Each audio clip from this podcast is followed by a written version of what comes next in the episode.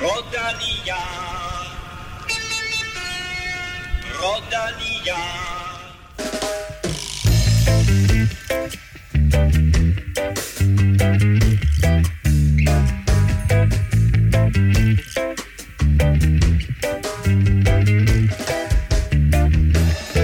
Først og fremmest, godt nytår. Ja, okay, altså det er 26. januar, men det her, det er jo første gang, vi mødes for at optage i 2022, og dermed årets første udgave af Velropa Podcast. Hvor var det fedt at høre intromelodien igen, og jeg håber, at du glæder dig lige så meget, som vi gør til det kommende år. Det er et år, som vi går ind til med store forventninger. Vi håber naturligvis på masser af danske sejre, og så glæder vi os til Tour de France med start i Danmark til sommer. Og med det, velkommen til mine to faste Velropa-venner, Kim Plesner og Stefan Djurhus. Tak for det. Og, øh, Hej Stefan. Det var den Tak, pæneste tak. intro, Ja. vi har fået. Ja, det må jeg nok sige. Ja, jamen, Det er lige nyt tak. år. Det, jamen, det er også fordi for nye lyttere, der ja. Ja. laver vi lige, du ved, I er, I er mine Velropa-venner lige øh, stadigvæk indtil videre. Øh, men vi, prøver, vi åbner simpelthen 2022-sæsonen med et øh, lytterspørgsmål, eller skal vi øh, nærmere kalde det en opfordring, fordi Søren Mikkelsen spørger på Twitter, kan I ikke lave hver jeres bud på det største danske resultat i 2022? Stefan, du får lov at lægge ud. Jamen, øh, jeg har en meget klar en. Det er Mads Pedersen vinder øh, Paris i, øh, i år. Han, Det var, det var øh, klart og konkret. Ja, altså øh, det er jo hans yndlingsløb, og øh, det er jo det, han, øh, han har snakket meget om, øh, og så sent som i, i december så også, at han har været ude, øh, blandt andet i Jyllandsposten også, og, og gør det klart, at, øh, at Paris-Roubaix, det er hans, øh, hans store mål, og, det synes jeg, det er meget interessant også i forhold til, at der er dansk Tour de France start og så videre, ikke? hvilket jo også kommer til at motivere ham meget til at lige at give den det der ekstra procent. Øhm, så, øh, så det synes jeg er spændende. Han fik jo ødelagt til Paris-Roubaix øh, senest øh, på ret uheldig vis, kan man sige. Lukker Øh, til. Ja, han blev lige øh, væltet på, på i Arnbergskoven der, ikke? Øhm, men øh, så er det jo også kontraktår for, for Mads Pedersen, så der er lige pludselig mange ting, der øh, jeg kan se for mig, at øh, han skal være ekstra motiveret i år. Så, øh, så jeg tror godt, at der er en rigtig god chance for det i år. Det var ikke det bedste 2021. Lad os bare håbe på, at hans 2022 bliver helt fantastisk, og at du får ret. Kim, Ja, altså teoretisk set kan mit bud også godt være Mads P. Fordi øh, mit, mit bud på øh, største danske resultat, det er, at der er en dansker, der vinder enkeltstarten i København som turåbning. Og det er Magnus Kort. Det er Magnus Altså, Kort, eller Søren Krav, eller Mads P., eller Kasper Askren, eller, eller Prise. Mikkel Bjerg. Mikkel eller- Bjerg, eller Prise Pejlersen, eller Vi, ved, Norskov. vi aner eller, stadigvæk selvfølgelig ikke, hvor mange der kommer med, eller hvem der kommer med, men altså så, så vi på sidste år, så havde vi jo et hav af danske ryttere, ja. som bød sig til på, på enkeltstarten, og apropos motivation og dansk turstart, så vil der være noget at kæmpe for der. Øh, Jeg tror faktisk, at, at øh, selveste Christian Brydom også vil synes, at det var sjovt, hvis vi fik en dansker i gult, og så er det da ikke umuligt, at der også er en, er en dansker, der forlader Danmark i gult. Nej. Men det er, det er dit bud. Ja, det synes jeg, det, at man kan sige, så er den lidt fesen i forhold til, at jeg ikke siger, hvem det er, men jeg synes til gengæld, det er en relativt stor... Øh, Men, øh, men så er vi i gang med 2022 og, slu- og slutter, starter jo på samme måde, som vi sluttede 2021. Ikke? Så, det, Stefan konkret, Kim væver lidt. og med den her dejlige start, ja. så ryger vi desværre direkte i modsatte grøft og åbner med en sørgelig nyhed. Fordi Egan Bernal var mandag ude for et grimt træningsstyrt hjemme i Colombia, og Stefan han er faktisk kommet ret alvorligt til skade. Ja, altså øh, han var ude at træne i, i, i Colombia, øh, omkring øh, Bogotá i, øh, i byen øh, Garchanzipa, øh, hvor han var ude på sin enkeltstartscykel, og øh, der forlyder det sig så, at øh, der er en bus, der har parkeret, som han ikke lige har opdaget, så han kører lige op i, i bagenden af bussen og øh, kommer rigtig slemt øh, til skade. Øh, heldigvis så, øh, så var der sådan forholdsvis hurtige meldinger om, at han egentlig var, han var okay, Øh, nu handler det så om, øh, hvor mange operationer, hvad der er gået galt, og hvor længe pausen skal, skal lyde på, og så videre. Ikke? Så nu handler det om, øh, at han ikke er i livsfare, men at han skal tilbage på cyklen. Jeg så faktisk en video i dag, øh, ikke af styrtet, men af ham ligge på vejen. Ja. Altså, han er jo ikke engang af cyklen. Altså, cyklen ligger stadigvæk mellem benene på ham. Ja. Ja. Øh, så han er braget, ja, altså han har haft hovedet ned mellem øh, knæene nærmest, ikke? og så har han braget ind i den der øh, bus, og det er altså gået helt galt. Hvad, hvad er det præcis, der er sket med ham? Øh, jamen, øh, der kom jo en lidt kryptisk pressemeddelelse ud fra starten af, eller hvad hedder det, fra, fra hospitalet, men senere er det blevet opklaret, øh, at øh, det er øh, en brækket rygvivl, højre lårben og øh, højre knæskal, Øh, og så har han også brysttraumer, som skulle være øh, en punkteret lunge og adskillige øh, brækket ribben. Så øh, rimelig, rimelig slemt til, og vi ved jo i forvejen, at, at han har haft, øh, hvad hedder det, mm, den her, øh, de her rygproblemer i forvejen. Mm. Øh, så det her med, at han også får en brækket ryg, øh, det kunne jeg godt være sådan ret nervøs over. Øh, vi ved også med, med brækket lårbindsknogle, det er en stor ting, og det, det kræver også lang tid pause, men det, kan man, det kommer man nemt over igen. Øh, blandt andet Jonas Vingegaard har brækket lårbindsknoglen på et tidspunkt, øh, og er kommet fint tilbage efter mm. det. ikke så, øh, så det er mere den der rygsøjle der, som jeg er sådan ret nervøs for. Øh, det, det, det, det bliver spændende at følge hans Hvad, hvad, hvad meldingen, Kim? Hvor lang tid er han ude?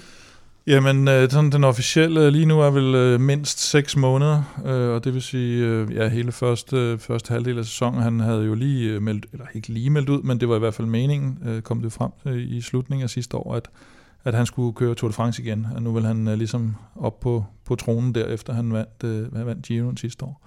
Og, øh, og så har han lige forlænget kontrakten jo med Ineos, så alt var egentlig klar til en, øh, til en stor sæson.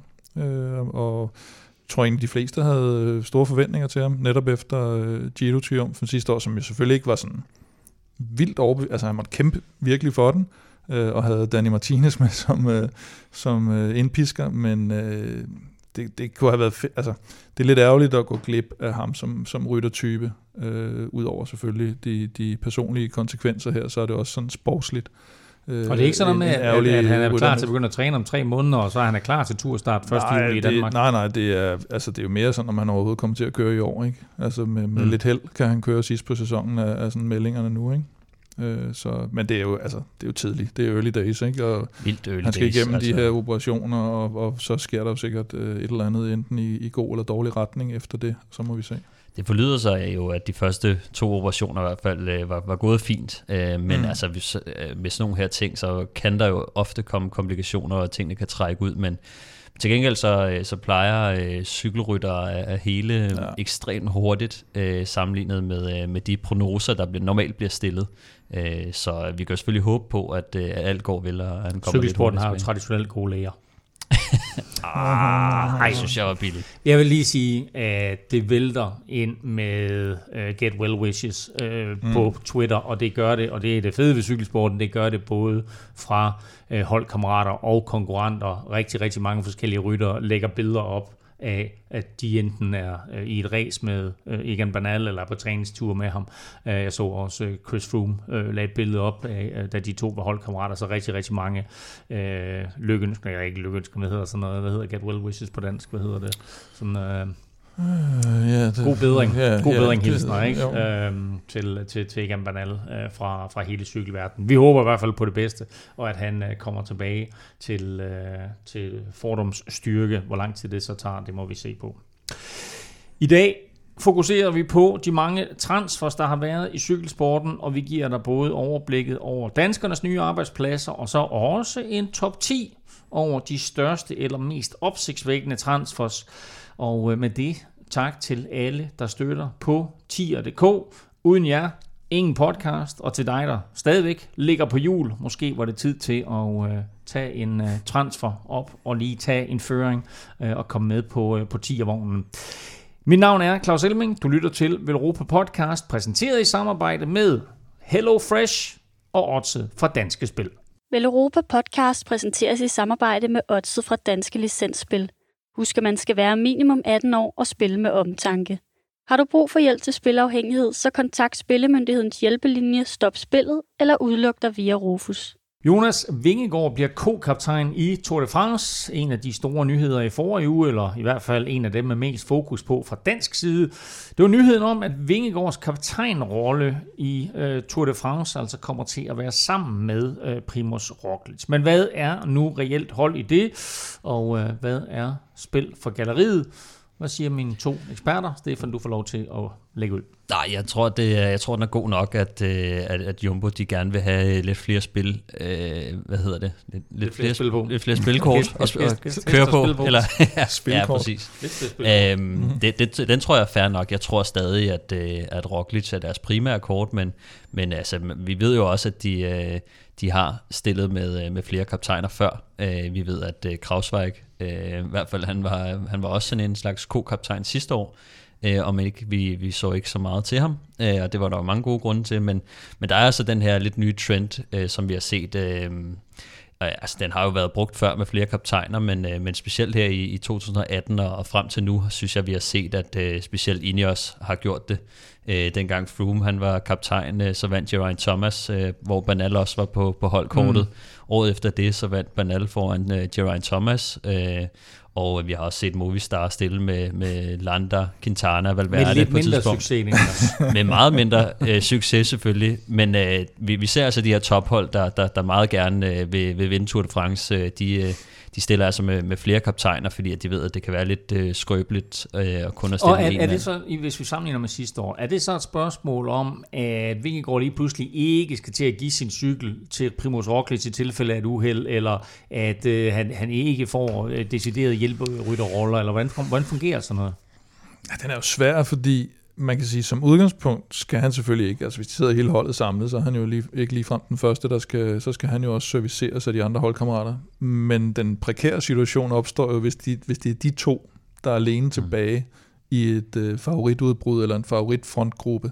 Hvem skal så gøre noget, hvis der sker et eller andet, ikke? Altså får han så, øh, får han så lov at køre videre, eller skal, skal, skal han så vente lidt, eller hjælpe ham, og, altså Roglic, mm. hvis det er, altså vil de, vil de være villige til at, at, at smide Roglic helt ud på, og så sige, "Men så kører vi bare øh, 100% Vingegaard. Men, men det er jo sådan en situation, der opstår, og så må man tage beslutningen i, altså øh, mm. regner man med netop, at det der sker med Roglic, altså hvis det bare lige er en punktering eller et eller andet, kan der være en fordel i, at, han, at de får ham op igen. Øh, styrter han, som vi har set nogle gange, øh, og, og man risikerer at tage 2-3-4 minutter til Vingegaard, så får Vingegaard nok lov at køre videre. Men, men det er jo de der situationer man ligesom ser, øh, hvad, hvad holdet egentlig øh, har, har planlagt. Jeg tror også, det er noget, det man, man, man vurderer undervejs selvfølgelig, men jeg tror virkelig på, at, øh, at Vingegaard, han har, han har vist, at han har fortjent, at han skal ikke, som vi så det, hvad hedder det, øhm, senest, at, øh, at han skulle vente på Roglic på et tidspunkt. Nej, ikke i sådan en situation. Øh, så, så jeg tror, han, han får lov at, at blive fremme, øh, uanset hvad der sker med, med Roglic, og så alt efter, hvordan og hvorledes øh, det udspiller sig, så, øh, så, så placerer hierarkiet sig jo øh, langsomt, som, mm. som vi plejer at se det. Det er heldige for Vingegaard, vil jeg sige, det er, at øh, han har en vanvittig enkeltstart lige pludselig. Mm. Øh, så på den front tror jeg ikke, han kommer til at, at, kan man sige, at køre sig selv ud af, af hierarkiet øh, mm. på noget tidspunkt. Øh, så så det, bliver, det bliver rigtig spændende, altså, og, og med Roglic øh, kan man sige, dårlige historie i, i Tour de France, øh, så, øh, så, så ligger den sgu meget godt til Vingegaard, synes jeg. Ja, så er det jo sådan et, altså, det er jo et helt vanvittigt hold, de har. Det sagde vi også øh, sidste Ja, år, og ja. det, det kommer vi til at sige igen i år. Øh, så, så selvfølgelig burde de ligge ret mange fremme. De har ikke udtaget hele holdet endnu, vel? Nej, de har udtaget øh, 1, 2, 3, Seks, tror jeg. 4, 5, 5 6 stykker, ikke? 6 stykker. Øh, Roglic, Vingegaard, Sepp Kuss, Wout van Aert, øh, Krausweiger og Rowan Dennis. Det, og så, så er der jo stadigvæk nogen at tage af, kan man sige. Ikke? Øh, Så, så, så de der situationer med, at øh, Vingegaard og Roglic skulle ligge alene fremme, det er nok noget, der først kommer til at ske et godt stykke øh, hen i turen, hvis alt går vel. Og det vil sige, så er der mange andre til at, at hjælpe både øh, Vingegaard og Roglic i de situationer. Og, og så er det, som Stefan lidt antyder, det, det er jo det der med at holde sig til. Fordi hvis, øh, hvis Vingegaard nu var sådan en, der tabte øh, fem minutter på en enkelt start, havde han nær sagt, og, Mm. og, og så han lige pludselig var, af den grund var, var flere minutter efter Roglic, Mm. så overgiver han på den måde lige pludselig kaptajnrollen lidt mere, og det, det gør han i hvert fald ikke, hvis ikke han, hvis ikke han rigtig tager i, i nogen terræner. Så det er med at, at holde armen inde i, i bussen, og så bare komme afsted. Jeg synes jeg også, vi skal, sådan, vi skal alligevel fejre, at øh, det som vi har gået, gået og snakket om, at øh, Vingegaard han kæmpede med Krausweiger og mm. Sepp Kuss om, øh, ja. om, hvem der skulle være øh, den, den næste. Øh, der, der kan vi klart sige, at Vingegaard han har, han har taget Ja, og efter, og efter sådan en præstation, som han laver Mm. sidste år, der er det klart, at de, de kan næsten heller ikke gøre andet. Altså, det, hvis de gerne vil forlænge kontrakter med ham fremover, så hvis du bliver nummer to i Tour de France, så skal du i hvert fald øh, sidestilles. Det kan jo nærmest ikke gå meget bedre for Jonas Vingegaard i den kommende tur. Det kan det faktisk godt. Det vil jo være lidt interessant, ja. hvis, hvis han lige en enkelt En uh, tak enkelt på podiet der. Jeg tror, jeg tør love, at vi kommer til at tale mere om Tour de France i de kommende udsendelser. Og i de kommende udsendelser, ligesom i dag, der skal vi naturligvis også quizze. Og der var jo noget med en protest sidste år, og efter mange overvejelser frem og tilbage. Og jeg vil lige sige, at jeg kigger i den her lomme, og jeg kigger i den her lomme. Jeg ser ikke nogen 50 euro sæler, sæler nogen steder. Men Sailor. Sæler. Ikke? Der, er jo, der er jo nogen, der er på herning. Nå. Hvad er det, Øh, at kalde det? Nå, efter mange overvejelser, så har juryen valgt at give øh, Stefan øh, Brokrøv Djurhus medhold, og øh, dermed så endte quizzen i 2021 uafgjort, og så er den potte ude. Øhm, og derfor så er der naturligvis lagt i kakkeloven til en ultra spændende og til tider fuldstændig urimelig quiz, hvor vi i år starter med scoren 0-0. Nå, Big surprise. Ja. Øh, I de her dage, Ja. der skulle løb Tour Down Under jo have været kørt. Der bliver kørt mm. et eller andet erstatningsløb i Australien, der hedder sådan noget Festival of Cycling, The Race, et eller andet. Øh, og det er så øh, minimalt, så man har svært ved at finde startlister for herrene. Øh, kvinderne tager det lidt mere seriøst og har afviklet et løb dernede, øh, som er slut. Nu tror jeg, herrene de kører her de næste tre dage eller noget i den retning. Mm. Men øh, vi har haft tre danskere på podiet igennem tiden ja. I Tour Down Under. Du siger ja, Kim, som, som vi kender dig. Det er dejligt. Kan du mærke, at vi er tilbage, Stefan? Ja, men det er fordi, at øh, der har været nogen på podiet, der Kim dengang. dengang, jeg behøver ikke sige mere. Dengang Kim var ved CSC. Nå, men tre danskere har været på podiet, mm. og øh, vi gør det på den måde, at der er simpelthen et point for hvert rigtigt svar. Det vil sige, over den næste halvanden time, så får I sådan øh, mulighed for lige at skrive nogle navne ned, og så tjekker jeg, når vi er øh, øh, nærmere os øh, afslutning, og jeg skal have svaret på quizzen, og så ser vi, hvem af jer, der har flest rigtige. Tre danske rytter på podiet i Tour Down Under gennem tiden, altså mulighed for at score op til tre point af reglerne forstået. Ja. Yes. Så har jeg kun én ting til jer to. Og dig, der sidder og lytter med, og jeg har glædet mig til det her øjeblik. Lad nu være med at google. Som lovet skal vi kigge på de største transfers i dag, hvilke rytter har fået nye hold, og hvordan rangerer vi dem. Vi tæller ned fra 10, og her lægger vi ud med en Velropa podcast favorit, eller skulle jeg hellere sige en af Stefans favoritter. Fordi nummer 10 er Pascal Ackermann fra Bora til UAE. Ja, det er, jeg vil lige Jeg er sige, ikke helt det, sikker på, om han var ironisk der, eller... Jo, det er, det er Kims favorit. Åh, oh, det er Kims favorit. Ja, Nå, hvad er din favorit altså? Det, er, Danny. det var Danny van Poppel. Åh, det var sådan, Det var Ja. Danny van... Har du fået ny i år? Nej, men der er jo sket noget andet med Danny van Poppel. Det kan vi komme vender ind på øh, lidt senere. Er han, også, Øhm, han er også på listen? Nej, vi er lidt til dels, kan man sige. Okay. Øhm, lidt, vi skal lidt længere op på listen jo. Okay. Øh, ja. Nej, men øh, Nå, sorry, ja, Pascal, det, det er Kims favorit. Mm. Ja, Pascal Ackermann, ja tak. Men øh, Pascal Ackermann, han, øh, han skifter hold. Det har jo været lidt, øh, kan man sige, lidt ulykkeligt for ham på, øh, på Bora. Øh, selvom det til tider er gået øh, rigtig godt, så, øh, så ville han gerne have været med til Tour de France øh, sidste år, og øh, det kom han ikke. Han mener, han var blevet lovet det. Ja, og det kan man, det kunne man måske godt forestille sig, at han var Ja. blevet sat lidt i sigte, øh, også på baggrund af, af, at han faktisk har været den øh, lidt bedre sprinter, eller øh, kon- konsistente sprinter end øh, Peter Sagan, men de valgte at gå med Peter Sagan. Øh, og så er det ellers kommet frem, at øh, han har været lidt irriteret over, at han ikke har kunne få de løb, som han gerne ville. Han ville også have kørt nogle klassikere, så han har sådan lidt været... Øh, han er lidt blevet forbigået på grund af Sagan, og øh, så, øh, så skifter han til, til UAE, e, og øh, Sagan er jo så, kan man sige, også smuttet, så, øh, så der er kabalen måske ikke lige helt gået op. Øh, men, øh, men om ikke andet, så, øh, så, så får han en, en ny start på, på UAE, e, og måske lidt mere øh, hvad hedder det, frihed i forhold til løbsprogram. Øh, til gengæld, så, øh, så, så, har de, så får han nok ikke lov til at Turen køre Tour de. France, fordi at, øh, de har Pogacar, men... Øh, efter sigende, så, øh, så er chancerne små, og, og det var han vist okay med, så længe han kunne få lov at, at vælge lidt mere frit på, på resten af kalenderen. Vi talte jo sidste år om det, vi kunne kalde ugens UAE, fordi de skrev kontrakt med nye rytter konstant. Mm. Vil du tilføje noget til Ackermann? Nej, men det var bare det der med netop, at øh, jeg, jeg tvivler på, at de har lovet ham en turplads i hvert fald på ja, UAE. ja. Ja.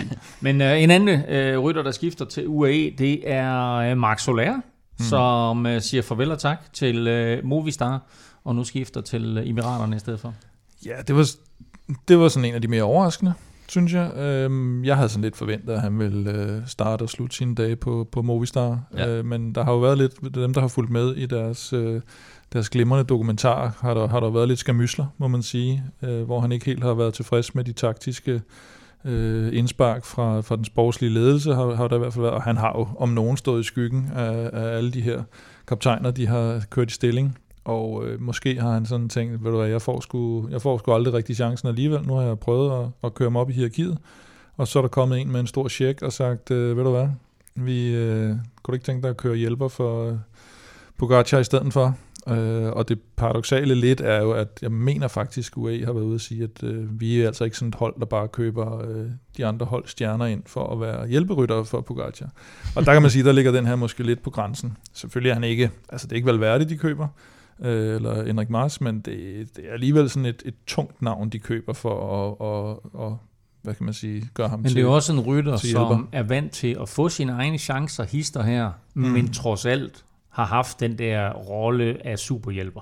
Ja, ja, og det er jo det, altså man kan sige, jeg tror da sikkert at som uh, ung knægt, og nu hvor han er kommet sådan, altså han blev udråbt til sådan den næste, en af de, de næste store uh, spanske rytter, og så har han ligesom fundet ud af, at nu måske, det bliver nok til det, det ligesom er blevet til, eller jeg har nok nået ligesom et, et plateau, eller hvad skal man sige, så, øh, så det er den vej, jeg vælger. Han er jo ikke skiftet til et mindre hold for så at blive stjernen, øh, og, og, og hvis man sådan skal analysere lidt på hans sådan, personlighed, efter hvad man har set i dokumentarprogrammer, og hvordan man har set ham øh, opføre sig, og som sådan, så, så, så, så virker han måske heller ikke som sådan en, den der helt store øh, øh, stjerne X-faktor type, øh, men måske mere som en, der, der kan køre en stabil øh, hjælperrolle. Og de kan jo være ja. lige så vigtige, og bliver også gerne godt lønnet, hvis de, hvis de udfylder deres rolle. Ja, jeg tror også, de kan bruge lidt, lidt mere øh, stabilitet på, på holdet. Øhm, mm. og, og der tror jeg, Max Soler, som altså som jeg ser det, er måske også en lille tak for, for stor til at blive sådan en seriøs øh, mm. contender til, til Tour de France i forhold til sådan de højeste bjerge. Øh, selvom han er en rigtig dygtig bjergrytter, så, øh, så, så tror jeg aldrig, han kommer til at matche øh, de aller, allerbedste mm. øh, på øh, sådan over lang tid. Så, så en rigtig, rigtig dygtig hjælperytter, de får ind der, og øh, jeg må sige godt med en ekstra øh, teamplayer ja. på, på et hold, der, der øh, ja, der egentlig er et, et sjovt mix af, af forskellige ryttertyper, øh, så, så det bliver også spændende at se, hvordan øh, de kan samles om, om Pogacar. Det er jo egentlig gået øh, okay, synes jeg, øh, so far. Ja, man kan sige, det at han er, har været så fuldstændig... Øh fantastisk sindssygt godt kørende Pogacar. Det gør, mm. jo også, det gør det jo også nemmere. Og, ja. Altså for det første, at der er ikke rigtig nogen, der tænker, jeg er sgu bedre end ham. Eller, eller, altså man kan sige det på den måde i 2021, der vandt de som hold i 2020, der vandt han selv ja. Pogacar. Ja, det kan du sige, og, og så vandt han alligevel også lidt selv i 2021, og vandt, ja, ja. Og, og, vandt, og vandt andre ting end turen, kan man sige. Så, så han har ligesom manifesteret sig som den her superstjerne, så der er jo ikke sådan en, en Rafael Maika, der lige pludselig tænker, her har jeg alligevel øh, chancen for at komme ind, og, og, og heller ikke øh,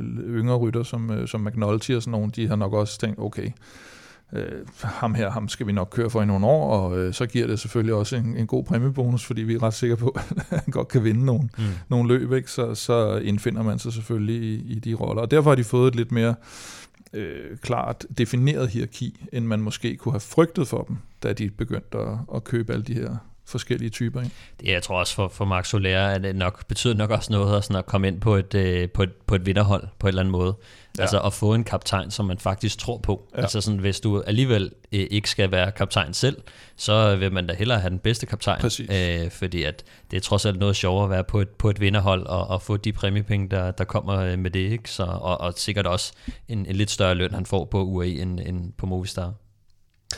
Vi skal videre til øh, plads nummer 8, og der har I valgt uh, Sergio Igita, som skifter fra EF Education til Bora.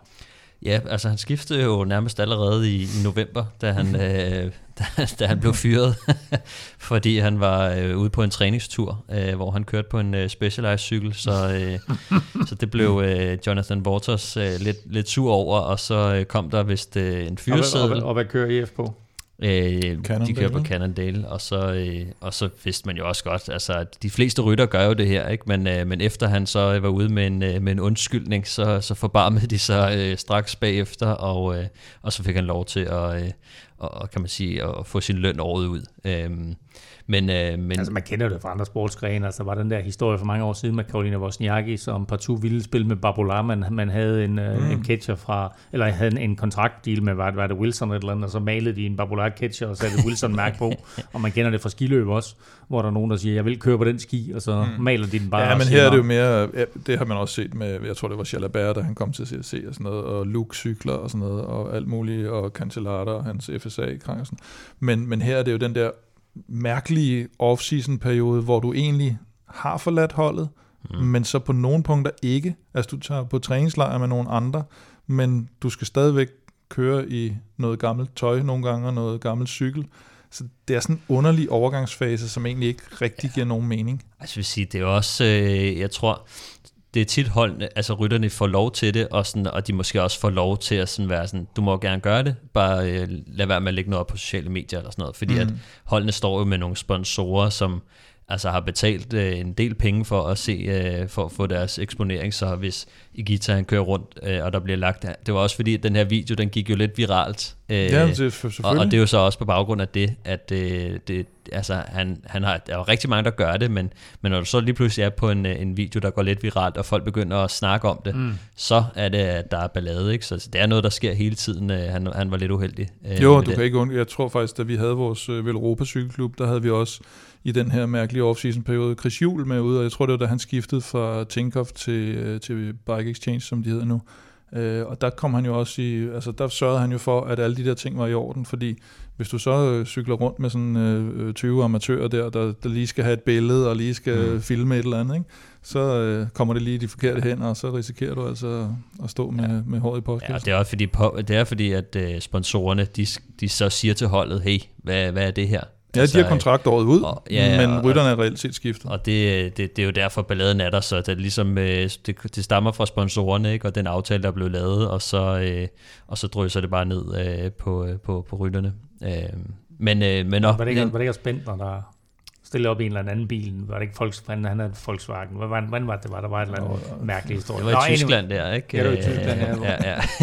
Nej, han købte, jeg tror, han købte en bil, men, han, men holdet var sponsoreret af, af Volkswagen, af, af Volkswagen tror jeg, og så, øh, så var den lidt uh, skidt. Han Nå, men hvad siger, hvad siger vi til det her skifte? Ja, hvad siger vi til øhm, Jamen, Igita synes jeg er en, øh, er en spændende rytter, og øhm, hvad hedder det, han kommer jo til, til, til Bora for at løfte, kan man sige, niveauet. Øh, de har jo haft den her lidt spred øh, skudt med spredhavl med, øh, med, med Bukman, Gregor Mühlberger, Patrick Conrad og de her, og de tilføjer altså noget mere, noget mere manpower, så sammen med Jai Hindley blandt andet kommer Igita også til, og det, det gør det. Igita vil gerne satse på tre ugers etabeløb, så, så det synes jeg er lidt spændende. Han har jo ikke sådan leveret de her øh, topresultater. Han har gjort det på etapper og, ja. og set meget lovende ud, og, og en meget sjov øh, rytter, som måske kunne minde lidt om øh, Quintana på en eller anden måde. Ikke? Altså ja. det her, hvor han har nogle dage, hvor han, hvor han brænder lidt igennem, øh, og det bliver spændende at se ham øh, komme ind øh, på bord og få... Øh, ja, altså, jeg tror, det bliver svært, ikke? Måske noget welter, øh, men, men sådan helt op i top, der bliver den sgu måske... Men også fordi de har så mange. Altså, Jamen, det, det, det, det bliver det, virkelig, altså, virkelig mange ja. lige pludselig, men, men ikke rigtig sådan en, ligesom, altså UAE, det er lige modsat, ikke? En, en top, og så øh, nogen, der man ved ligger nede. Ja, netop. Øh, men altså, jeg synes, det, det, det er trods alt en, en spændende rytter, der kommer til et i forvejen lidt sjovt hold, som, øh, som skyder ja. lidt mere med spredhavn, men, men har nogle rigtig stærke rytter, der, der, der sådan, nu så vi Bukman, der brændte ret meget igennem øh, sidste år, ikke? Mm. Øh, det, det kunne også godt ske for, for nogle af de andre. Han får følgeskab en rytter, som vi har talt en hel del om. Syvende pladsen tilhører nemlig Alexander Vlasov, eller Vlasov, som du ynder at kalde ham, Kim, der kommer fra... Nej, det var nu vist Brian Holm, der begyndte på det, men... Uh, og så tog du den op, ikke? Så, så tog vi den op. Nå, okay. Uh, Alexander Vlasov skifter fra Astana til Bora. Ja, og det, øh, igen, så er det, så er det en mere i, i puljen, kan man sige, og uh, en rytter, som har vist virkelig lovende takter, men, men, men fælles for for alle de her, også uh, Kelterman, Bukman, uh, Konrad uh, og uh, Vlasov og Igita, at de ligger sådan lige niveauet under. Uh, man kan sige, hvis man kører tilstrækkeligt af dem ind, så, eller Hindley også, kan man sige, mm-hmm. så, så er der vel en af dem, der på et tidspunkt uh, slår igennem. Jeg ved ikke, om det er det, der er taktikken for, for Bore, men et... Uh, et markant skifte, kan man sige, øh, også i forhold til øh, altså at gå fra Astana i en periode, hvor der sker det, der gør øh, i Astana. Jeg kunne godt have set ham øh, under Vinokurov være ligesom den nye østeuropæiske stjerne, men, men de har så valgt at gå lidt mere italiensk, kan man sige. Øh, så altså, han er en af dem, altså hvis, hvis vi tager alle de her Grand Tour klassementsryttere, så er han måske den med det største potentiale for topniveau, vil man næsten sige, altså for at ramme et, et, et, et virkelig højt topniveau. Men jeg skulle jeg skulle også lidt i tvivl om ham, altså hvor han ender henne. Jeg synes, øh, en, en, en samlet fireplads i Giroen, det, det viste i hvert fald over for mig, at, ja. at, at han er der trods alt på vej i, i den rigtige retning. Øhm, men altså, jeg synes også, øh, han, han gik lidt i glemmebogen, fordi man ofte så ham så lidende. Altså, det er som mm. om, han, øh, han var ved at gå ned under hele øh, Giroen, men, men kommer alligevel ind på, på en fireplads sammenlagt. Øh, jeg, det, jeg er mest spændt på, det er at se øh, en, en, den her russiske øh, rytter øh, komme over mm. på noget mere øh, europæisk øh, hold. Øh, der er nogle gange noget med, med noget kultur og sådan noget. Ikke? En, en, en rytter, der kommer fra, fra Gazprom til Astana, og nu skifter til Bora. Øh, mm. hvordan, øh, hvordan kommer til, det mm. til at, at spille ud? Altså, kommer han til at få gavn af det, eller, øh, eller kokser det lidt, fordi han kommer ud af, af, af nogle andre øh, traditioner? Jeg tror, vi meget tidligt i Europa podcast, og det var der ikke fremhævet Blasov som et af de absolut største talenter, og øh, nu får han altså chancen for at vise det for, for Bora her. Og skal køre turen, så, øh, så jeg tror også, at uh, han Ej, ligesom... Det har, de, det har de sat navn på. Ja, altså, jeg vil sige, det er meget kan nå at ændre sig, mm. men, uh, men det var ligesom uh, planen, ikke? Mm. At, uh, at han skal være en af, af deres uh, turrytter, så, uh, så det, det ved jeg ikke, om han skal være kaptajnen, men, uh, men det tror jeg, de finder ud af undervejs. Uh, han er da i hvert fald tiltænkt en stor rolle der, så, uh, så det, det bliver også spændende. Mm. Ja. Endnu en øh, rytter, som øh, er hentet ind, måske som luksusrytter, eller øh, som luksushjælperytter, eller måske for at få sin egen chance, det er Joao Almeida, som jo har fået et kæmpe gennembrud her igennem de sidste par sæsoner, der altså kommer til UAE fra det kønne Quickstep. Ja, altså han kommer jo til på en, øh, på en femårig aftale, så, øh, så man sige, alt andet lige, så må det være lidt mere lukrativt, end, end det Patrick Lefebvre, han, øh, han har kunnet diske op med. der er ingen tvivl Og der er jo, øh, ja, og øhm, altså, vi har i hvert fald set, øh, hvad hedder han, øh, Lefebvre udtale sig øh, omkring Almeida og sagt, at øh, hans manager udviste øh, lidt respekt øh, over for deres forhandlinger og så videre. Ikke? Så det siger for mig, at, øh, at, at de nok har kommet med lidt for stort øh, lønkrav og, ja. og spillet. Det er jo det, som Lefebvre ikke så godt kan lide, det er, når, øh, når man kommer som rytter og siger, hej, jeg har fået et tilbud fra UAE, gider mm. du matche det? Mm. Øh, så siger Lefebvre, at, øh, hvad hedder det, altså, at hvis du ikke vil være på holdet, og bla bla bla, ikke? Altså, han, han kører jo meget på det her øh, kultur, når man skal ville være der, og så videre, ikke? Og, og har måske ikke den store forståelse for, at, øh, at rytterne også øh, vil, vil, vil tjene nogle penge, mens de, mm. mens de kan. Øhm, men samtidig synes jeg, det er sjovt, at UAE også har, øh, har lovet ham, at, eller kan man sige, har sagt, at han, han bliver altså ikke en, bare en hjælperytter øh, for, for Pogacar. Han, øh, han er altså tiltænkt at blive leder i, øh, i Giroen, øh, som vi har set, han har, han har kørt rigtig godt i, og måske endda også øh, være, øh, være leder i, i Vueltaen. Så, øh, så det er nok også øh, lidt større. Jeg tror også, at, at, at øh, Almeida han har han har været et lidt dårligt sted på, på holdet i forhold til Remco, som jo selvfølgelig nu har øh, Almeida fået lov at blomstre lidt mere, fordi Remco han har øh, havde det her styr, der mm. har været lidt ude, men, mm. men altså med Alaphilippe og, øh, og Remco på, på holdkortet, der, der tror jeg godt, jeg ved, hvem Lefebvre han, øh, han stemmer på over, over Almeida, så øh, jeg tror, at Almeida han kommer over et sted hen, hvor han får lidt mere frihed til at gå efter egne chancer. Øh, og, øh, og, og der... så, så nævnte du lige det her med femårskontrakt. Altså, det er jo også noget ret nyt i sporten, og det er jo UAE, som er foregangsmænd på det der. Ja, jeg vil sige, øh, Banal fik jo også, altså inden han fik lavet den her lange uh, femårskontrakt, fik han vel lavet en femårskontrakt også uh, senest, og, uh, men, men det er de her, det er selvfølgelig de store navne, men det er også de hold med den store pengepunkt selvfølgelig, der har kunne tillade sig. Det er jo ret rart, når man har de her, altså som Ineos og UAE og til dels Bahrain måske, øh, at, at du har sådan, ikke ua, øh, altså ikke, ikke bare fuldstændig øh, øh, ubegrænsede mængder af penge, men, men det er tæt på. Så du kan egentlig gå ind og, og, og, og købe, hvem du vil næsten, og du kan lave de her, de her lange kontrakter. Og øh, altså, jeg, jeg synes netop, øh, Almeida er altså en, øh, han, er, han er altså en virkelig, virkelig, det er virkelig godt indkøb det her. Også i forhold til, at hvis, hvis, hvis holdet ikke kun skal blive Pogacar, så er det fint at få de her, de har jo også Hirschi, som så måske er råd lidt i, i glemsen, eller hvad skal man sige, er blevet brugt lidt som, som hjælper, og McNulty og sådan nogle typer. Men, øh, men altså, det der også er specielt, når, når, når Stefan nævner det her med, med Quickstep, er jo også det her med, at de typisk, øh, når man ser sådan, hvad skal man sige, øh, øh, rangliste pointmæssigt, afgiver de typisk utrolig mange point, når der er transfer-sæson. Det vil sige, de store stjerner, der har fået indkørt nogle point, og så finder de ud af, at vi kan få en større løncheck et andet sted, og så skifter de, og så henter de næsten ingen, eller nogle få, og nogen, der måske ikke har point, eller nogen, der er blevet glemt, som Gilbert eller Cavendish, øh, så henter de dem ind på mindre kontrakter, og så vinder de lige mm. pludselig. Mm. Øh, og, så, så, øh, ja, og så kører spillet igen. Ikke? Altså, så de får faktisk, altså det ser på papiret ud, som om de har haft et lortetransfervindue. Når du så gør tingene op, når sæsonen er slut, så er det dem, der har haft det bedste transfervindue lige mm. pludselig. Mm. Øh, så det, det er meget sjovt, og det, det går ofte igen med... Altså han har jo lidt at have det i, Lefebvre.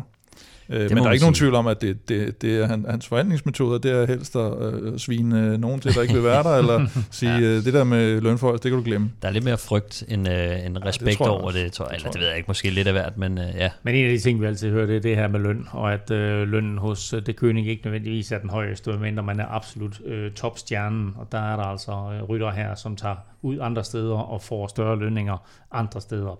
Pascal Ackermann, Mark Soler, Sergio Gita, Alexander Vlasov og Joao Almeida var de første øh, og de største transfers øh, inden den kommende sæson fra 10 til 6. Om lidt der får du vores top 5, men først der skal vi have uddelt årets første Europa Cup. Fordi traditionen tro, så fortsætter vi jo med at trække lod om en Europa Cup i hver udsendelse, og det gør vi altså også her i 2022, ligesom der vil komme andre fede præmier i løbet af året. Vil du deltage i lodtrækningen, så er det nemt at være med, og samtidig støtte os på tier.dk. Beløbet er valgfrit, og du donerer hver gang vi udgiver en ny podcast. Og når du så donerer, så deltager du altså hver uge i lodtrækningen. Og Stefan, vi har jo øh, over 700, der allerede støtter os på tier.dk, og blandt dem, der trækker vi nu årets første Europa Cup. Det gør vi. Øhm, og vinderen i denne omgang, det er Mathias Akker, som, øh, som også har været øh, støtte nu i, øh, i et godt stykke tid, og har lagt en, en tier. Så, ja. øh, Hvornår han kom til? Han kom til i øh, sommeren 2020 juni okay, 2020. Fedt. Så, ja. øh, så den, den har været, den har været undervejs i noget tid. Halvandet år cirka, og uh, Mathias, nu har du vundet en kop, så du kan sidde hele cykelsæsonen og se cykling i fjernsynet og drikke af din sprit nye Velropa Cup. Jeg tror, vi kender ham egentlig. Jeg tror, jeg tror han lavede noget arbejde for TV2 Sport engang. Mathias Akker? Jeg tror, han var sådan noget øh, freelance øh, grafiker for vores marketing. Nå, jamen, det er da dejligt. Endnu, ja. endnu en ven af huset. Ja. Øhm, husk på, at for alle vores løgtrækninger, der gør vi det på den måde, at for hver femmer, du donerer, der får du altså et lod i puljen, så Mathias havde altså to lodder i puljen. Jo større beløb, jo flere lodder, og dermed altså større chance for at vinde. Du finder link både på velropa.dk og på tier.dk. Mange tak for støtten til jer alle. Velkommen til alle nye, og forhåbentlig, hvis du sidder derude og tænker, jeg skal også have en Velropa Cup, så ind og støt på tier.dk, og naturligvis kæmpe stort tillykke, og tak for støtten til dig, Mathias Akker. Vi skal videre med vores nedtælling, og på femtepladsen over de største transfers, der finder vi en rytter, som jeg godt kan se få det helt store comeback. Vi skal nemlig have på plads nummer 5, Dylan Groenewegen fra Jumbo Visma til Bike Exchange. Havde du set den komme, Kim? Nej, det havde jeg sgu ikke. Det, det var nok, det var måske den mest overraskende af alle, alle transfers i, i det her, eller ikke, i hvert fald af de store rytter. Og øh, ja, måske øh, godt at komme ud af den her, øh, selvfølgelig lidt sådan klassement skygge, som, øh, med, med alle de gode folk, som, som Jumbo har. Og, øh, og over på et hold, som, øh, som jo også har savnet lidt noget, øh, noget power på den front, siden man, man gav Caleb Ewan til, til, til Lotto. Ja, så er der Matthews, så, der har, øh, ja. kan man sige, fejlet lidt. Øh, jo, han er jo heller ikke sådan helt ren. Nej, altså, han har været den der grønne trøje øh, forhåbninger, ja. ikke? Øh, som, som i hvert fald skulle blande sig, øh, og der skulle have noget support, hvis han skulle gøre sig noget, nogen håb om at, om at få den grønne trøje. Ikke? Og, og samtidig Kronevæggen, som, øh, som godt kunne se, at øh, det bliver sgu lidt svært at få øh, et ordentligt lead-out øh, sammenlignet med nogle af de andre hold. Øh, ja, eller skulle kæmpe med Wout van Aert om, om Champs-Élysées. Ja, præcis. Altså, ja. det er jo også det. Men øh, altså, kan man sige, Wout van Aert har jo kan man sige, blomstret lidt op under fraværet af, af Kronevæggen. Ja. Øhm, men, øh, men ja, jeg tror simpelthen, det er en, en prioritering af, øh, hvor han... Øh, han, han får det bedste, den bedste opbakning og, og, og mest øh, ja, kunne vælge, hvilket løb han vil, og så tror jeg egentlig også, der er sådan en mental øh, øh, indstilling på, at nu, nu, nu bladrer vi lige øh, siden og starter på en frisk. Ja. Øhm, Efter det her. Ja styrt med Fabio Jacobsen, og det der, hvor han var involveret ikke, og kommer tilbage, og det har været svært, øh, sikkert, ja, mentalt for ham. Øh, så, så jo mere, jo mere frisk start, og, og måske bliver det måske to rytter, der kommer til at, at ligge og kæmpe rimelig hårdt det gør det sikkert. Øh, i den kommende sæson. Lad os bare håbe, at alt det der, det er, det er i glemmebogen nu. Nu er vi trods alt et, et, et, et godt stykke videre fra den grusomme situation. Ja. Øh, og øh, nu skifter han altså til Bike Exchange her, og den erfaring, jeg har med, med, med det hold og deres ledelse, der er det altså et rigtig, rigtig fedt sted. Øh, så det her, det kunne godt være et superskifte for Dylan Groenewegen. Vi skal videre til øh, plads nummer 4, og der finder vi en anden hurtig herre, nemlig Sam Bennett, der skifter fra det kønne Quickstep til Bora. Ja, og øh, det interessante ved det her skifte, det er jo nok, øh, kan man sige, øh, omstændighederne eller årsagerne bag skiftet, og det synes jeg er en, øh, en, en ret øh, sjov øh, historie, fordi at det, det kommer jo lidt af, at uh, Sam Bennett, som er, er den store stjerne, eller en af de store stjerner på, på holdet, og, og klart den bedste sprinter, Øhm, han, øh, han kommer lidt op og toppes med, med Lefebvre. Øhm, det starter simpelthen med, at han sådan forud for, for turen sidste år øh, får ondt i knæet, øh, og derfor bliver nødt til at, at blive holdt, holdt lidt ude. Og øh, Lefebvre, han, øh, han undrer sig lidt over de her skader, og de vil gerne have ham til Belgien for at blive undersøgt. Men, øh, men Bennett øh, efter sine i hvert fald, så, øh, så missede han flyet, og så kunne han ikke lige få en, øh, så, så var det næste fly øh, overbooket, og så var der nogle ting, der, der gik galt, så han kom aldrig rigtigt til Belgien. Øh, til gengæld så... Øh, chef, chef, jeg kan ikke komme til Belgien. Ja, ja, ja. Og, øh, og så siger, så bliver han jo set, af, så bliver han tilset af, en, af nogle læger i Monaco, hvor han bor. Og øh, så, øh, så Lefebvre, han kalder jo, han snakker om den her situation og siger, øh, altså han er lidt svært ved at tro på, at han ikke kunne komme til Belgien, øh, og, han, og, og øh, Sam Bennett har foretrukket at blive øh, tilset af det her, den her Miracle Man, som jo nærmest bare skulle kigge på skaden, så var den, øh, så var den forbi. Ikke? Så der er sådan lidt øh, uenighed over sådan, øh, altså øh, kan det nu passe, ikke? og har han løjet om, at han ikke kunne komme til Belgien og sådan noget. Ikke? Så der har lidt været nogle, øh, noget ballade der.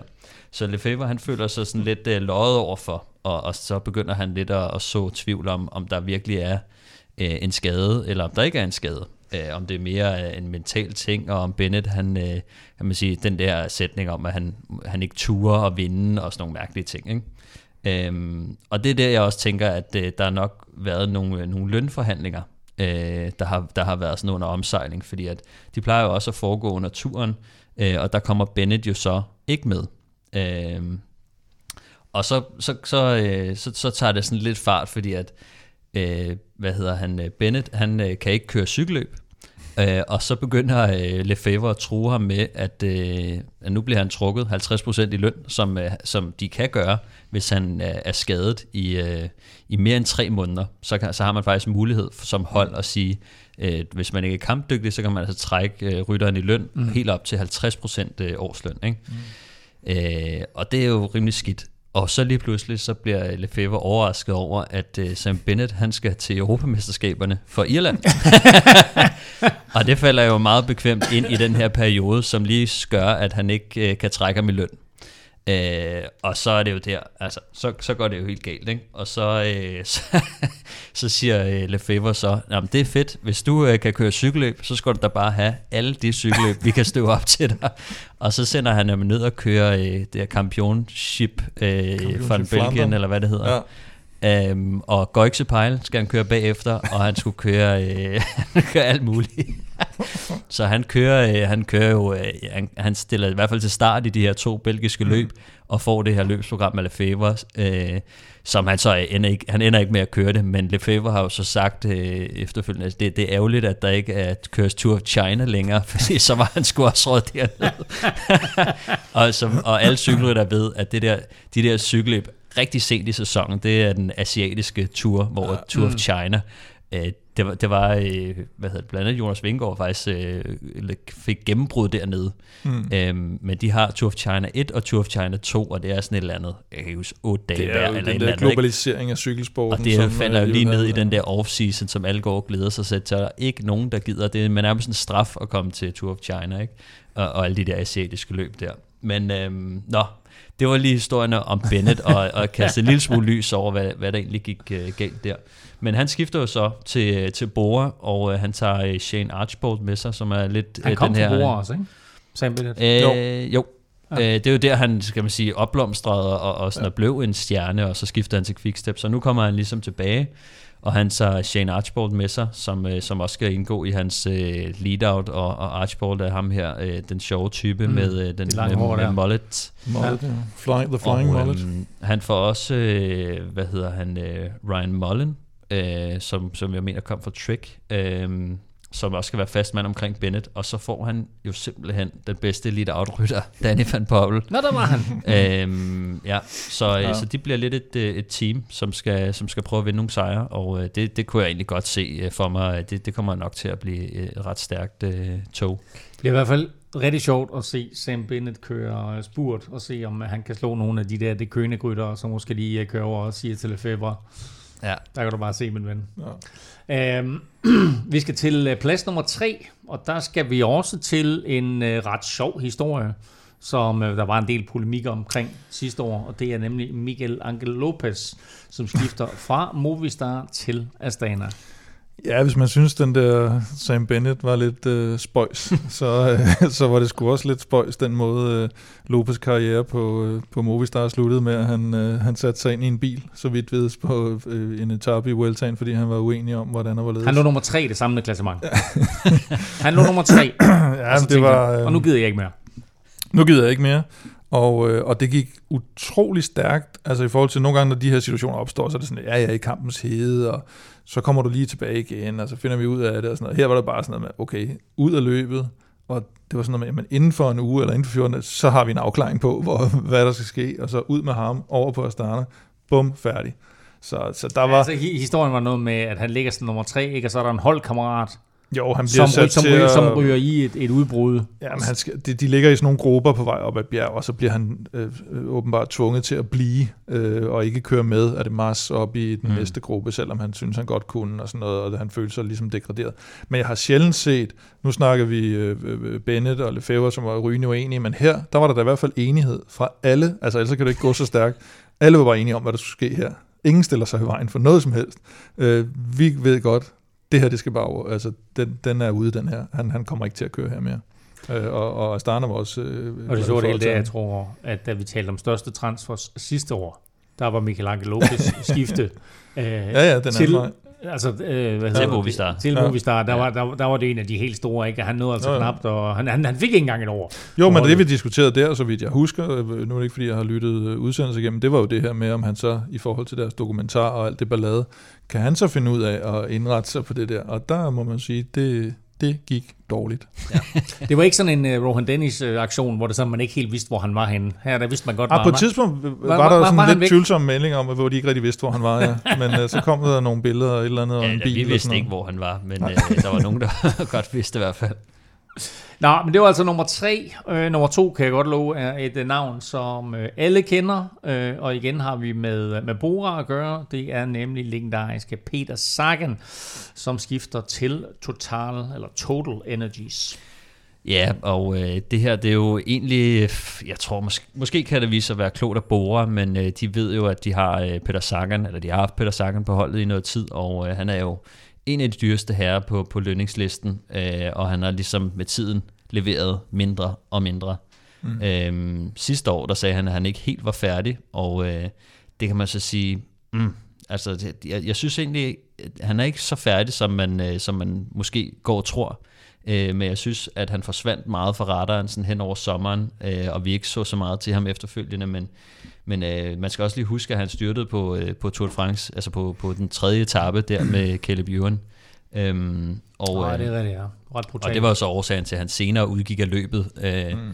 Og øh, han styrte også i, i Paris-Roubaix, i, som også var højdepunkter for ham øh, i, i, i efteråret. Så øh, Men det er også, altså, øh, vi har jo altid talt om, at Peter Sagan var så fabelagtig en rytter, og han aldrig styrtede. Og så pludselig så har han en sæson, hvor han begynder ja. at styrte. Er det også sådan noget med, at han blev ældre, og er han blevet, hvad, hvad, hvad er der sket? Altså, hvorfor, hvorfor bliver han pludselig ramt af det her? Er det tilfældigt?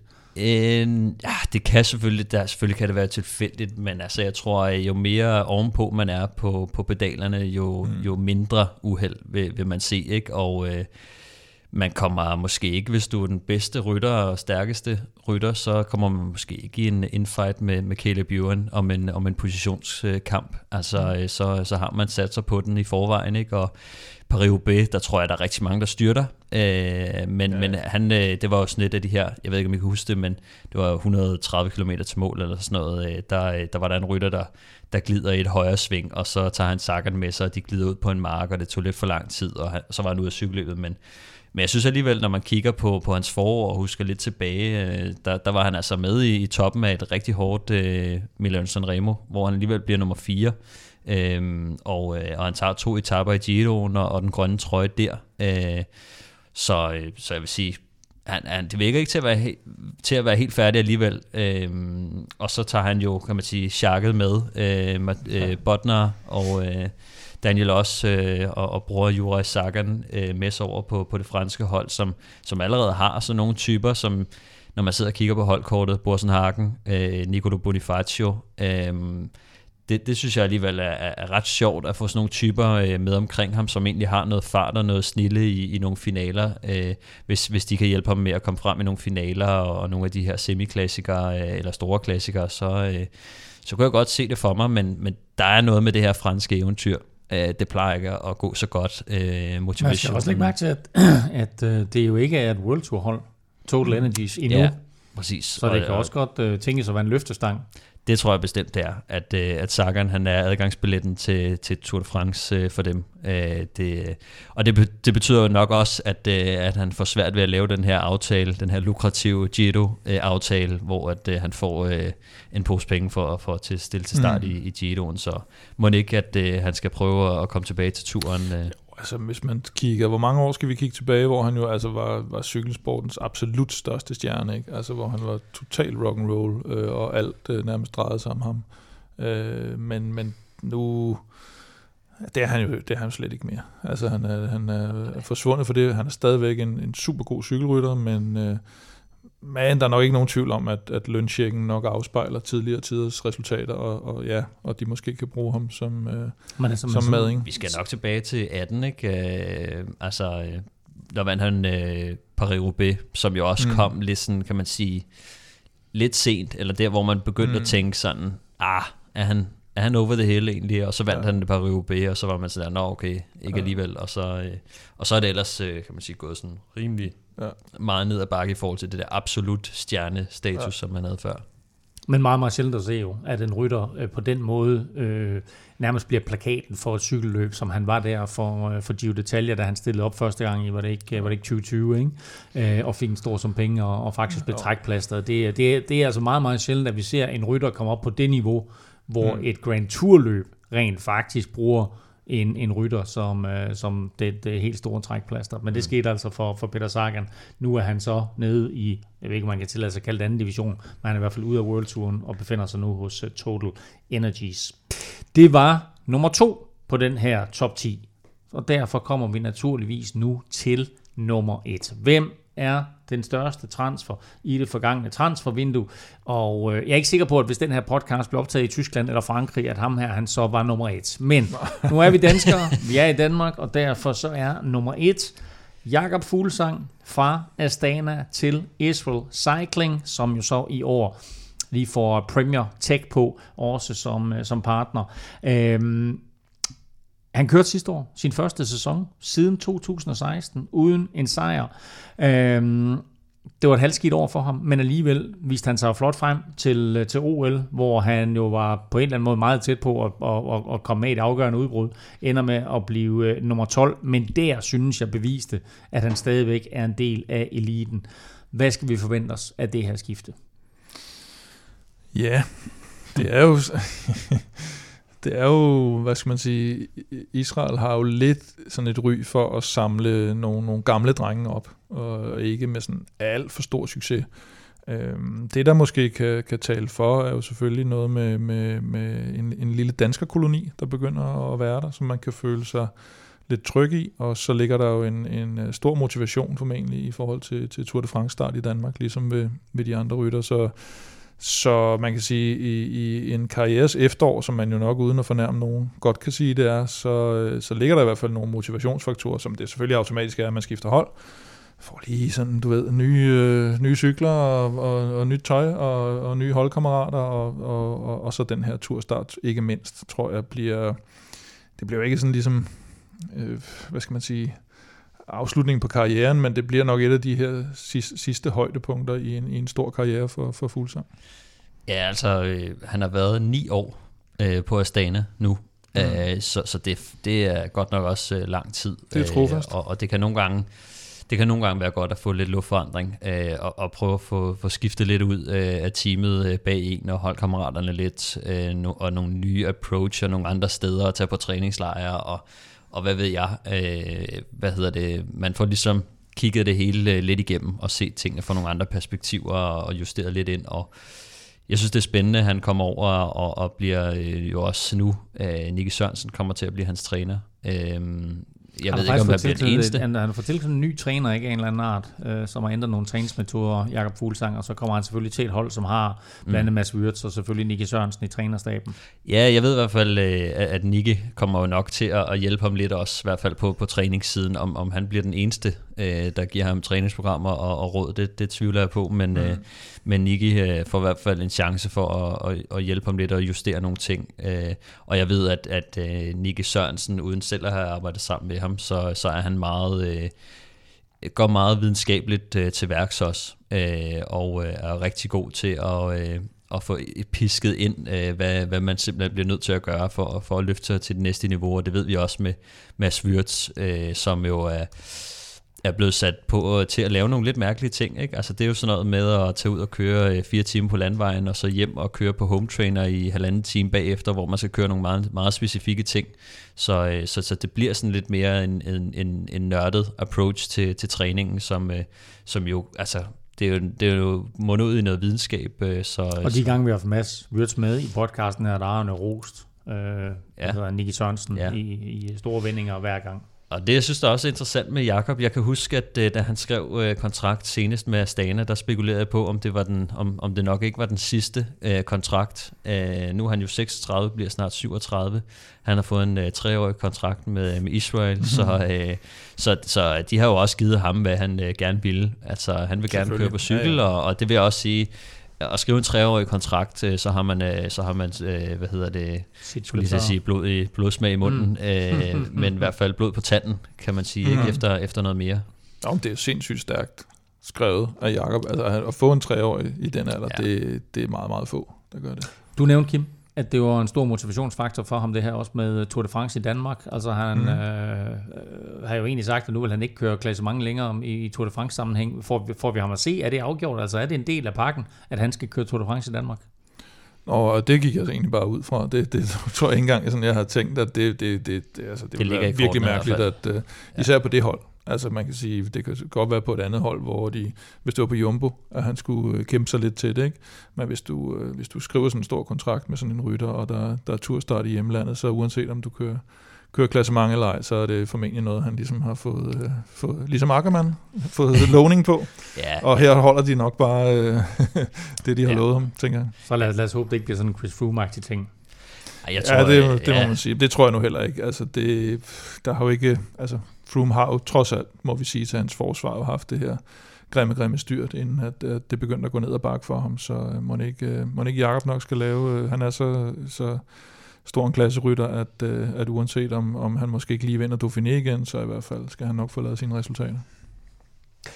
Nummer et på den her liste er altså Jakob Fuglsang, og dermed så bliver listen afsluttet fra øh, 5 til 1.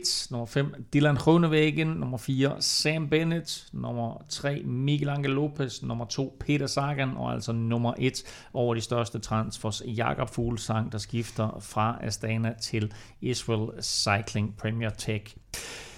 Det var vores countdown over de 10 største holdskifter inden sæsonen 2022. Nogle har sagt goodbye, andre har sagt hello.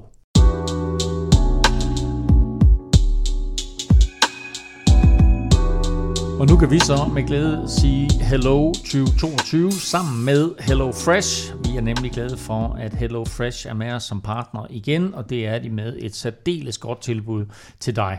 Hello Fresh er måltidskasser med sund og varieret kost, masser af muligheder, og du kan prøve fire uger nu med en rabat på 725 kroner. Gå ind på hellofresh.dk og brug koden VELOROPA22. Det var altså hellofresh.dk og koden VELOROPA22, så sparer du 725 kroner. Og Stefan, de fleste, inklusiv undertegnet, skal sådan så småt til i gang med cykelsæsonen, øh, og har måske, skal vi kalde det lidt jule- og januar-kilo, som øh, vi gerne skal af med. Øhm, hvad, øh, hvad, hvad skal vi kigge efter i kosten her? Øh, jamen altså, øh, jeg synes, altså, hvis man vil tabe sig, så generelt det, det nemmeste er bare at cutte øh, kulhydraterne ud. Øh, hvis man øh, dropper pastaen og, og risen, og, øh, og så spise øh, måske bare et par få kartofler eller et eller andet, så plejer det at gå rimelig stærkt. Øhm, det gjorde det i hvert fald for mig ofte. Det var det mest effektive greb, man kan gøre. Så du spiser stadigvæk hverken kartofler eller ris eller pasta eller noget, eller hvad? Åh, oh, det gør jeg. Okay. Nej, men jeg til gengæld, så synes jeg, øh, jeg har jo fået Hello Fresh øh, lige siden vi startede øh, med dem, og, øh, og jeg synes, de er ret gode til at, sådan, at få, få kartofler og, og grønt med ind over, og det vil sige, øh, at få noget protein, øh, om det så er, er kød eller vegetarisk, eller, eller, eller hvad det nu er, og så en masse grøntsager, det, det synes jeg, de gør rigtig godt. Øh, og så, øh, ja, så jeg synes faktisk, det, det er en meget dejlig varieret kost, og, og forholdsvis nemt og, og lækkert. Mere lækkert end øh, det køkken, som jeg øh, konkurrerede i før i tiden. Det var sgu meget øh, spartansk, hvis man kan sige det sådan. Ja. Øhm, så så jeg, er sgu, jeg er sgu glad for det.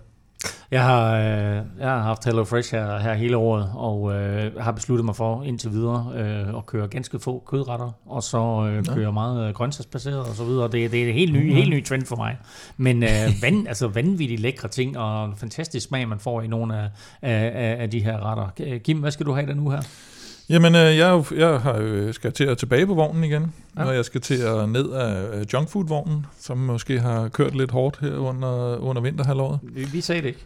Nej, men øh, det, det er der vist ikke nogen, der er i tvivl om. Øh, og så savner jeg jo Panko, min ja. gode ven Panko, ja. som jeg faktisk blev på en eller anden måde introduceret med, da, da vi begyndte at lave Hello Fresh, som jo er den her øh, øh, luksusudgave af rasp. Ja. altså hvor man finder ud af, hvor, hvor tavligt rasp ja. er, når først man har Det er ligesom Maldon salt i forhold til normal salt. Ja, det ved jeg ikke. Så. Men øh, så ja, en masse, en, en masse panko, gerne noget snitsel, og, øh, og så får man jo helt automatisk øh, grøntsagerne med, som du siger, Stefan, så, så man sådan lidt bliver tvunget til at, at være lidt sund, nærmest uanset hvad man vælger derinde. Alle ingredienser kommer i afmålte portioner, så der er ingen spild, og det er super nemt at rydde op, hvilket jeg sætter enormt stor pris på. Det er sådan, så når man er færdig med at lave mad, jamen, så er der faktisk nærmest ryddet op samtidig, så det er altså helt genialt. Som sagt, du kan prøve Hello Fresh nu. Brug koden VELROPA22, så får du altså 725 kroner rabat på din første måneds leveringer. Øh, du kan måske godt finde det her tilbud andre steder, men bruger du koden VELROPA22, så støtter du altså podcasten her. Og så må du meget gerne dele koden med venner og bekendte. Gå ind på hellofresh.dk og brug koden VELOROPA22.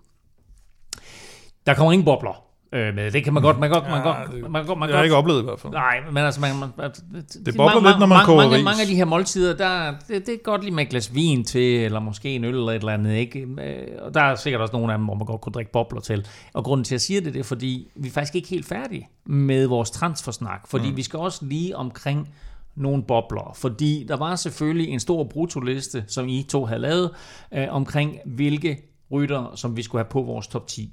Men lad os prøve at kigge på nogle af de rytter, som ikke kom i top 10. Hvem vil I fremhæve her? Altså, jeg, øh, sådan, øh, bare for at tage sådan, den sådan lidt mere, igen det her, lidt mere overraskende, så synes jeg jo, at øh, Mark Padun fra Bahrain til EF Education, ja. den havde jeg ikke set komme. Altså ham her, der lige pludselig drøner ind på scenen i Dauphiné og kører dem alle sammen øh, ud øh, øh, til højre og venstre, og så kommer han ikke med i turen. Øh, og så, altså, og har, har ikke været med længe, og så, altså en mærkelig, mærkelig karriere, og så sådan østeuropæ, og så lige pludselig EF Education, som ellers er det her ja, engelskbaserede, amerikanske, sådan lidt øh, tjekket hold der, og ny trøje i øvrigt, som vi, vi vel skal have nævnt helt fantastisk øh, ny trøje. Gå ind og kigge på den Ja. ja. på, på sociale medier. Øh, det, der, der, den kan jeg slet ikke få til at... Der kortslutter min hjerne lige lidt. Ja, men jeg synes også, øh, det, det virkede til, øh, at, at han egentlig lå meget godt øh, til, til Bahrain. Um, Ja, der passer han lidt bedre Ja, Men øh, sådan er det. men ja, ja, det bliver sjovt at se. Uh, jeg synes også, at vi skal nævne uh, Elia Viviani uh, fra Kofidis tilbage til Ineos. Uh, ja. Den synes jeg også er ret spændende at se, om han kan ligesom få den her genfødsel. Det var jo der, det startede for ham, kan man sige. Ikke? Sådan Ja. for alvor. Så røg han en tur til, til Quickstep, og, og så gik det lidt ned ad bakke efter det. Så Ja, øh, Kofidis har ikke været, øh, det var ikke, det har ikke været øh, lykken for ham, det har det altså ikke. Øhm, jeg synes også, øh, vi skal nævne Vincenzo Nibali, der jo har været øh, i, hos Trek, som skifter tilbage til Astana. Øhm, ja. Og efter sine Ja, ganske... Nibali og Vinokurov blev genforenet. Ja, altså, øh, han hørte jo meget godt øh, på Astana, kan man sige. Ja, det kan man Øh, sige. Jeg ved ikke, nu er han selvfølgelig blevet lidt ældre, og, øh, og han har jo udtalt, at han gerne vil køre alle fem øh, monumenter mm. øh, i, i sæsonen her. Så, så det bliver lidt spændende at se en, et lidt andet approach, og øh, måske øh, for, kan det fungere meget godt for ham. Altså, vi ved jo nogle gange, så... Det, er, Øh, ja, og, så, og det er bare fedt. Altså, det er jo fedt, at han, altså, ja. i det der netop vedløberen i ham, ikke? og nu vil han gøre det, og jeg, så, jeg tror faktisk, han allerede skal være med i omløb øh, Mm. i, i starten af sæsonen her, ikke? og det, det synes jeg bare er så respekt, altså at, øh, at, man, at man går ind og, og, og man kan ikke sige ære cykelsporten, men alligevel, at han kunne bare han kunne bare stoppe nu. Han har Ja. vundet rigeligt, men så vil han lige, ligesom Han- Gilbert, han- der han- prøver at vinde fem Han monumenter. dyppede jo og sådan lidt noget, øh, tæerne på et tidspunkt, da han kørte øh, Flandern rundt, ikke? Ja. Øh, hvor han faktisk kom afsted sammen med Nicky Terpstra. ham, der starter... Var Nicky Terpstra, han kørte afsted med? Ja, Så blev han sat, og så kørte Nicky Terpstra hjem og, og, og vandt. foran Mads P. Så der var han, kan man sige, der var han faktisk rimelig fint med øh, i, et, i et lidt anderledes løb, end det han plejede at køre på det tidspunkt. Øh, så, så det bliver spændende at se ham øh, gøre lidt, altså skifte, skifte lidt ud, øh, mm. scenen lidt ud og, og prøve noget nyt. Øh, ja. Jeg ved, ikke, om, jeg ved ikke, om vi sidste år øh, fik sat endelig øh, faktum på, og, og to streger under, at Rowan Dennis skiftede fra Ineos til Jumbo Visma, men vi, vi, vi havde i hvert fald hørt rygterne øh, så længe og så meget og så ofte, så, så vi var ret sikre på, at det ville ske. Nu er det altså øh, konkretiseret og, og, og på plads, at Rowan Dennis skifter. Det er altså også Ja, et, det var et, et, vildt de- skifte, ikke? Jo, og det var en af de tidlige, at, øh, at det, det var ligesom øh, lå i korten, at, at han skulle derover. Vi ser jo nogle gange de her skifter for, for de der to, to store hold. Jeg tror, de hentede jo også, øh, var det Ineos, der hentede ham her, øh, åh, nu kan jeg dårligt huske, hvad han hedder fra Jumbo, øh, den lille, lidt, lidt enkeltstartstype. Mm. Nej, ja, den er væk lige nu. Øh, men det er, jo ikke, det er jo ikke så tit, at, at, øh, at, at ellers man, man ser dem øh, det skifte mellem hinanden der. Øh, Christoph, en anden godt gammel navn, øh, øh, Nitolo, synes jeg måske øh, Uh, et rigtigt, altså han kom jo virkelig uh, op, hvad kan man sige, i niveau uh, hos Kubeka, og så de måtte jo desværre lukke og, og skal til, til Israel. Og øh, så har vi De La Cruz øh, til Astana for UAE, øh, Luis Leon Sanchez til Bahrain fra Astana. Vi havde vinde over Danny van Poppel og, og, og, og Jai Hindley til, til Bora. Og, øh, og så har vi vores øh, norske øh, held, Odd Christian Eiking, som øh, skal fra Intermarché til, til EF. Viking the Viking. Det var ikke Og så en mand, som vi talte en helt lidt om sidste år, Stefan, en, en rytter, du Nå, er tidligere har kørt mod, som vel Ja. sagtens også fik sit helt store gennembrud sidste år, nemlig Michael Ja. Storer. Ja, det må man sige. Uh, han, han tog den altså virkelig uh, to op uh, sidste år og, uh, og viste, at, at jeg havde faktisk været lidt skuffet over hans, uh, hans kan man sige, debut på, på World-turen. Uh, at, han ikke rigtig havde uh, fået, fået vist sig sådan uh, helt frem. Men, øh, men det bliver også øh, spændende at se ham, øh, der, der laver et lidt atypisk skifte og, og, og går øh, væk fra, øh, fra DSM øh, over til øh, Groupama, Francis Deschamps. Øhm, men altså havde jo en fuldstændig fantastisk Vuelta med, øh, med, med, med to etappesejre og, og en bjergetrøje, så, øh, så altså, han øh, bliver måske tiltænkt en, en lidt større rolle øh, på, på det hold. Øhm, og øh, ja, lidt, lidt atypisk, men, øh, men han viser virkelig, at han godt kan, øh, kan være med i toppen. Og så kan jeg se den sidste, I har skrevet op her, det er Victor Kampenarts, som skifter også fra øh, Kubeka, der som du siger, Kim, øh, måtte øh, dreje nøglen om. Øh, og han skifter altså fra Kubeka til Lotto. Tilbage til Lotto, ja. Vi skal, vi skal også omkring en stribe, øh, hvad skal vi kalde det, new faces and new places, som måske ikke har den store internationale bevågenhed, men som set med danske øjne er ganske interessante, nemlig de danske rytter og unge talenter, som har fået nye hold. Og øh, lad os bare lægge ud med en øh, olympisk guldvinder, nemlig Lasse Norman Hansen, der skifter fra selv samme Kubeka til Uno X. Ja, det var jo... Øh, jeg havde sådan en lille messenger-tråd med ham ret tidligt på sæsonen, hvor, øh, fordi vi, vi opdagede jo, at han havde været inde og like et opslag med Uno X, og så skrev jeg bare sådan for sjov, Nå, skal du til Uno X? Og så skrev han sådan lidt overraskende med, ja, det kunne da være meget godt, kunne det ikke? Altså, det kunne da godt være, at man skulle gå efter den. Og så siger han, det tror du ikke, det var? Jo, det tror jeg da egentlig var meget godt. Nå, men det, det kan da godt være. Vi den. Og så gik der et par måneder, og sådan, så nå, men Lasse Normand til, til Uno X, og øh, det tror jeg er fint. Altså, det er øh, sådan lidt, lidt mere trygge rammer, og, øh, og Lasse er en, en stor motor, som kan, kan lidt af hvert, og skal nok blive værdifuld for det hold. Det tror jeg også, de har nogle spændende kort øh, på, på Uno X, øh, specielt med, med det forårsprogram, de har fået lagt for dagen. Øh, der, der kan de også tilbyde Lasse et, et ret spændende program, og han kan til gengæld også gå ind og være en af de mere erfarne og stærke ryttere på holdet, ikke? Øh, sammen med de her, øh, kan man sige, Rasmus Tiller, øh, var også en af de her ryttere, der lige havde været oppe og, og snuse til... Øh, ja til Worldturen, og, og så lige træde lidt ned igen, og så få virkelig gang i, øh, i, i resultaterne. Øhm, der, der tror jeg, det vil, vil blive sjovt for, for Lasse Norman. Og sammen med, øh, kan man sige, og de, dem, der gør ham følgeskab fra, fra Kubeka, det, øh, det er jo også øh, Andreas, nej undskyld, øh, hvad hedder han? Jamen lad mig lige, lad mig lige holde fast i den, fordi jeg vil egentlig gerne lige runde af med, hvem der, hvem der forlader Kubeka af danskere, og det gør Andreas Stokbro selvfølgelig, og ja. det gør Emil Vinjebo. Uh, Andreas skal uh, til uh, Team Coop, uh, mm-hmm. som selvfølgelig er et skridt ned ad ranglisten for ham, og så Emil Vinjebo uh, skal uh, til Rival. Hvad siger vi to, de, til de to uh, klubskifter? Øh, jamen, jeg synes, det er lidt, lidt ulykkeligt på en eller anden måde, ja. øh, fordi at øh, de bliver lidt fanget i det her game. Øh, to ryttere, som, øh, som egentlig kommer til det her hold og gerne vil have, søge den her stabile base, og, og får lidt svært ved at få, få, få hul på bylden. Øh, og vi ved også, at altså, specielt Vinjebo havde det her styrt, øh, som, som også spolerede meget hans sæson. Øh, så så det, det er lidt ulykkeligt, og det, de ender med at blive lidt øh, sorte pærer i, i kabalen, øh, og, og bliver sådan, kan man sige, slået, slået lidt hjem igen. Øh, mm. Men jeg tror, jeg tror til gengæld, at de har øh, rigtig stor lyst og, og erfaringer til, at, til der, der godt kan bringe dem tilbage igen. Øh, men øh, men de, de resetter lige en gang, øh, og, øh, og bliver, kan man sige, også øh, store figurer på deres øh, hold. Øh, så, så de kommer også til at skulle øh, trække det store læs på, øh, på, på de lidt mindre hold, trods alt. Men altså sådan et hold som, som Team Coop, er det et hold, vi kommer til at tale en del om nu, fordi at Andreas Stokbro han er der?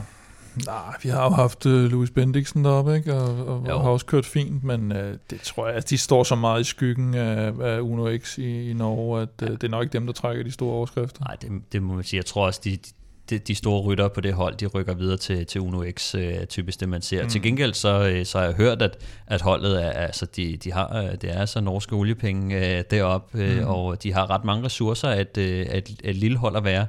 Og, og så er de jo få rytter, øh, så, så de, de, de kan kæle ret meget om deres øh, rytter og, og tilbyde dem ret mange cykelløb.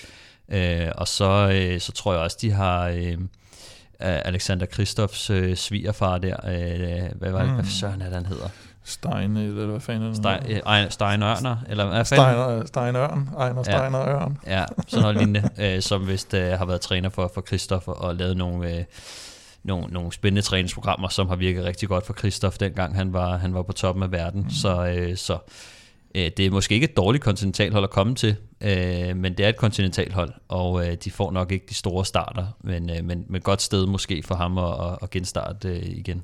Vi kan lige vende tilbage til de ryttere senere, som er kommet til Uno X, men jeg skal lige nævne tre ryttere, danske ryttere, som har forladt Uno X, og det er altså tre store øh, motorer, øh, nemlig Frederik Rodenberg, Johan Prise Pejdersen og Julius Johansen. Det er altså nogle, øh, nogle drenge, der, der træder vat igennem her. Ja, og så træder de op på, øh, på World Touren, ikke? Det, og, det, og det er jo det, man typisk ser, øh, at, at de her, de, de går lidt den anden vej. Altså de øh, er i deres karriereudvikling, hvor de, hvor de kommer fra det her, sådan, som Uno X jo stadigvæk er, et, et, et udviklingsteam, men et utroligt stærkt udviklingsteam, som også har egne ambitioner på sigt, Men lige nu, der er de en, øh, stadigvæk en talentfabrik, som sender, som sender folk videre til, til World Touren, fordi ellers så var de her tre jo selvfølgelig blevet og, og ventet på den her World Tour licens, som, som Uno ikke skal. Vi havde Rodenberg med sidste år i podcasten. Mm. Han skal til DSM. Johan Prise Pejdersen skal til Bahrain, og Julius Johansen skal til Intermarché, Vanti Gobert. Så øh, tre øh, virkelig, virkelig øh, fine hold, som de her tre danske rytter altså kommer til. Vi har Kasper Andersen, der skifter fra Kolo Quick til Hagens Bergman, øh, hedder det Action. Mm. Øh, Oliver Wulf Frederiksen, stortiden der, skifter fra Kolo Quick til øh, EF Education. Development. Development, ja, ja. hvad hedder de? Det, hvad Det de gør de. Ja, det, er, det er deres udviklingshold selvfølgelig, Nå, ikke, okay, som det han er kommer selvfølgelig, ja, til. så, ja, øh, fordi der er noget med, at, EF også har fået et nyt navn, ja.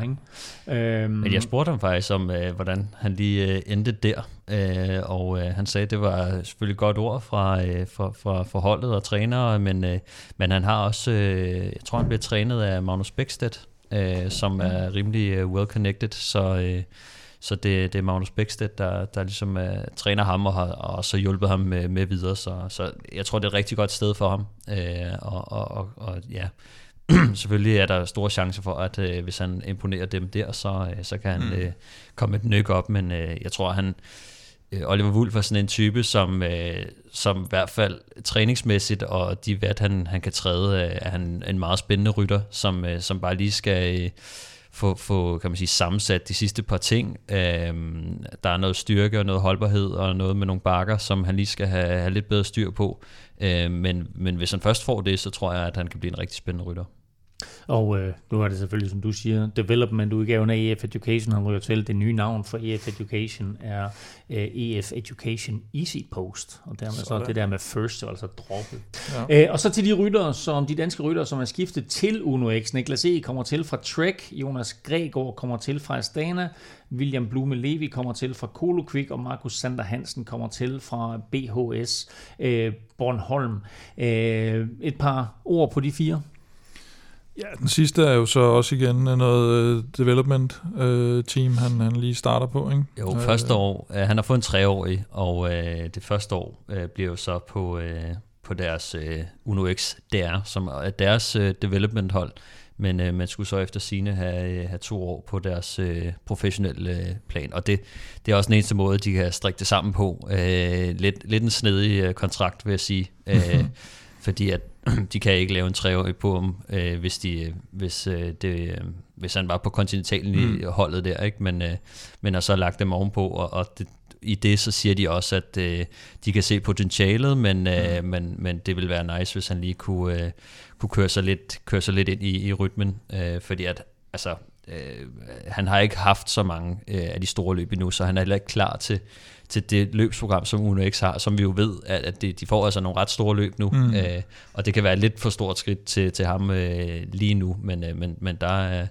der er et stort potentiale. Ja, så har vi jo øh, William Blume, der jo nok skaffet sin opmærksomhed ved at vinde den her norske Paris-Roubaix, havde han sagt, eller ja eller norske Grand Prix Herning, hvis man vil, hvis man vil køre, det, køre det lidt nedad. Så jeg synes, at den norske øh, Paris-Roubaix lyder bedre. Ja, ikke? Øh, nå, men det er, det er virkelig en, og det var jo en, en, et sindssygt hårdt løb, og en, en fantastisk flot sejr, de her gyldne gutur, eller hvad fanden ja. det, det hedder. Øh, og, øh, også, eller måske mere norske Strat Bianca faktisk, hvis vi skal være helt ærlige. Øh, så, så han bliver, det tror, jeg, det tror jeg faktisk godt kunne blive et øh, spændende navn.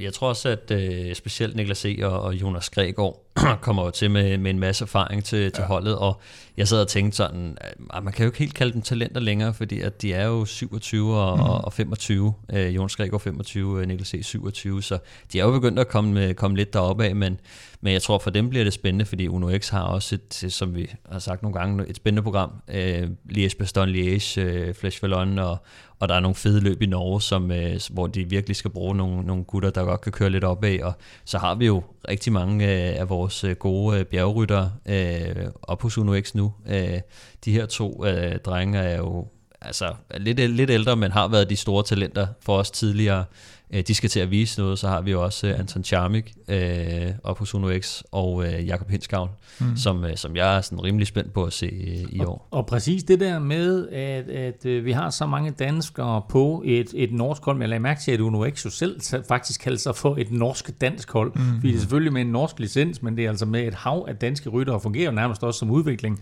for, øh, for danske talenter. Øh, men det kan jo vise sig at blive et match made in heaven, fordi lige nu, der vælter det jo ind med wildcards til mm. det her norske mandskab. Ja, de, øh, altså senest her var det, var det omløb, øh, der præsenterede øh, holdene med, med, med Uno X, og øh, der gjorde de jo også selv opmærksom på, at ham her, Erik, øh, jeg gætter på, at han hedder Resell, men mm. øh, Resell kunne også være ret sjovt at kalde ham. ja, det hedder han nok på, på internationalsk. Ja. Øh, han vandt øh, hvad, øh, amatørudgaven, kan man kalde det det, i 2018, mm. eller U23, det ved jeg faktisk ikke, om det ja. Er. Øh, og, og så har vi jo altså danske navne på den, på den forløbige startliste, der hedder, øh, øh, hvad hedder det, Askren, Valgren, Søren Krav, Kasper P. og, og, og Norskov, så det, det bliver jo på alle måder interessant, også for et... Mm. Øh, et, et, Men det er så om, omløb, Head Newsblad, du taler det om? Det er omløb her, ja, ja. Øh, som jo er brostensåbneren der, ja. Og så har de jo øh, fået lidt øh, flere, som øh, er endnu bedre. Ja, altså Paris-Roubaix er jo øh, den helt store øh, nyhed øh, for, for dem, og det er jo en kæmpe stor invitation for, for det her hold, men jeg synes også, det er meget fortjent, fordi at de var jo, øh, altså de, de spillede en ret fremtrædende figur i, i mange af de her, øh, kan man sige, lidt mindre store øh, mm. løb, som, øh, altså hvor det sådan, de havde altid en mand fremme, eller flere mand fremme i, mm. i finalerne og, og, og, og prægede øh, løbende. Øh, og især Rasmus Tiller var deres øh, kaptajn, øh, som jo blandt andet blev femmer, nej undskyld, øh, toer i Les Amin, som er også et, et, mm. et rimelig stort øh, løb. Øh, han blev femmer i Trobro Leon, øh, han vandt øh, Varstor Het Hageland og blev toer i Binche.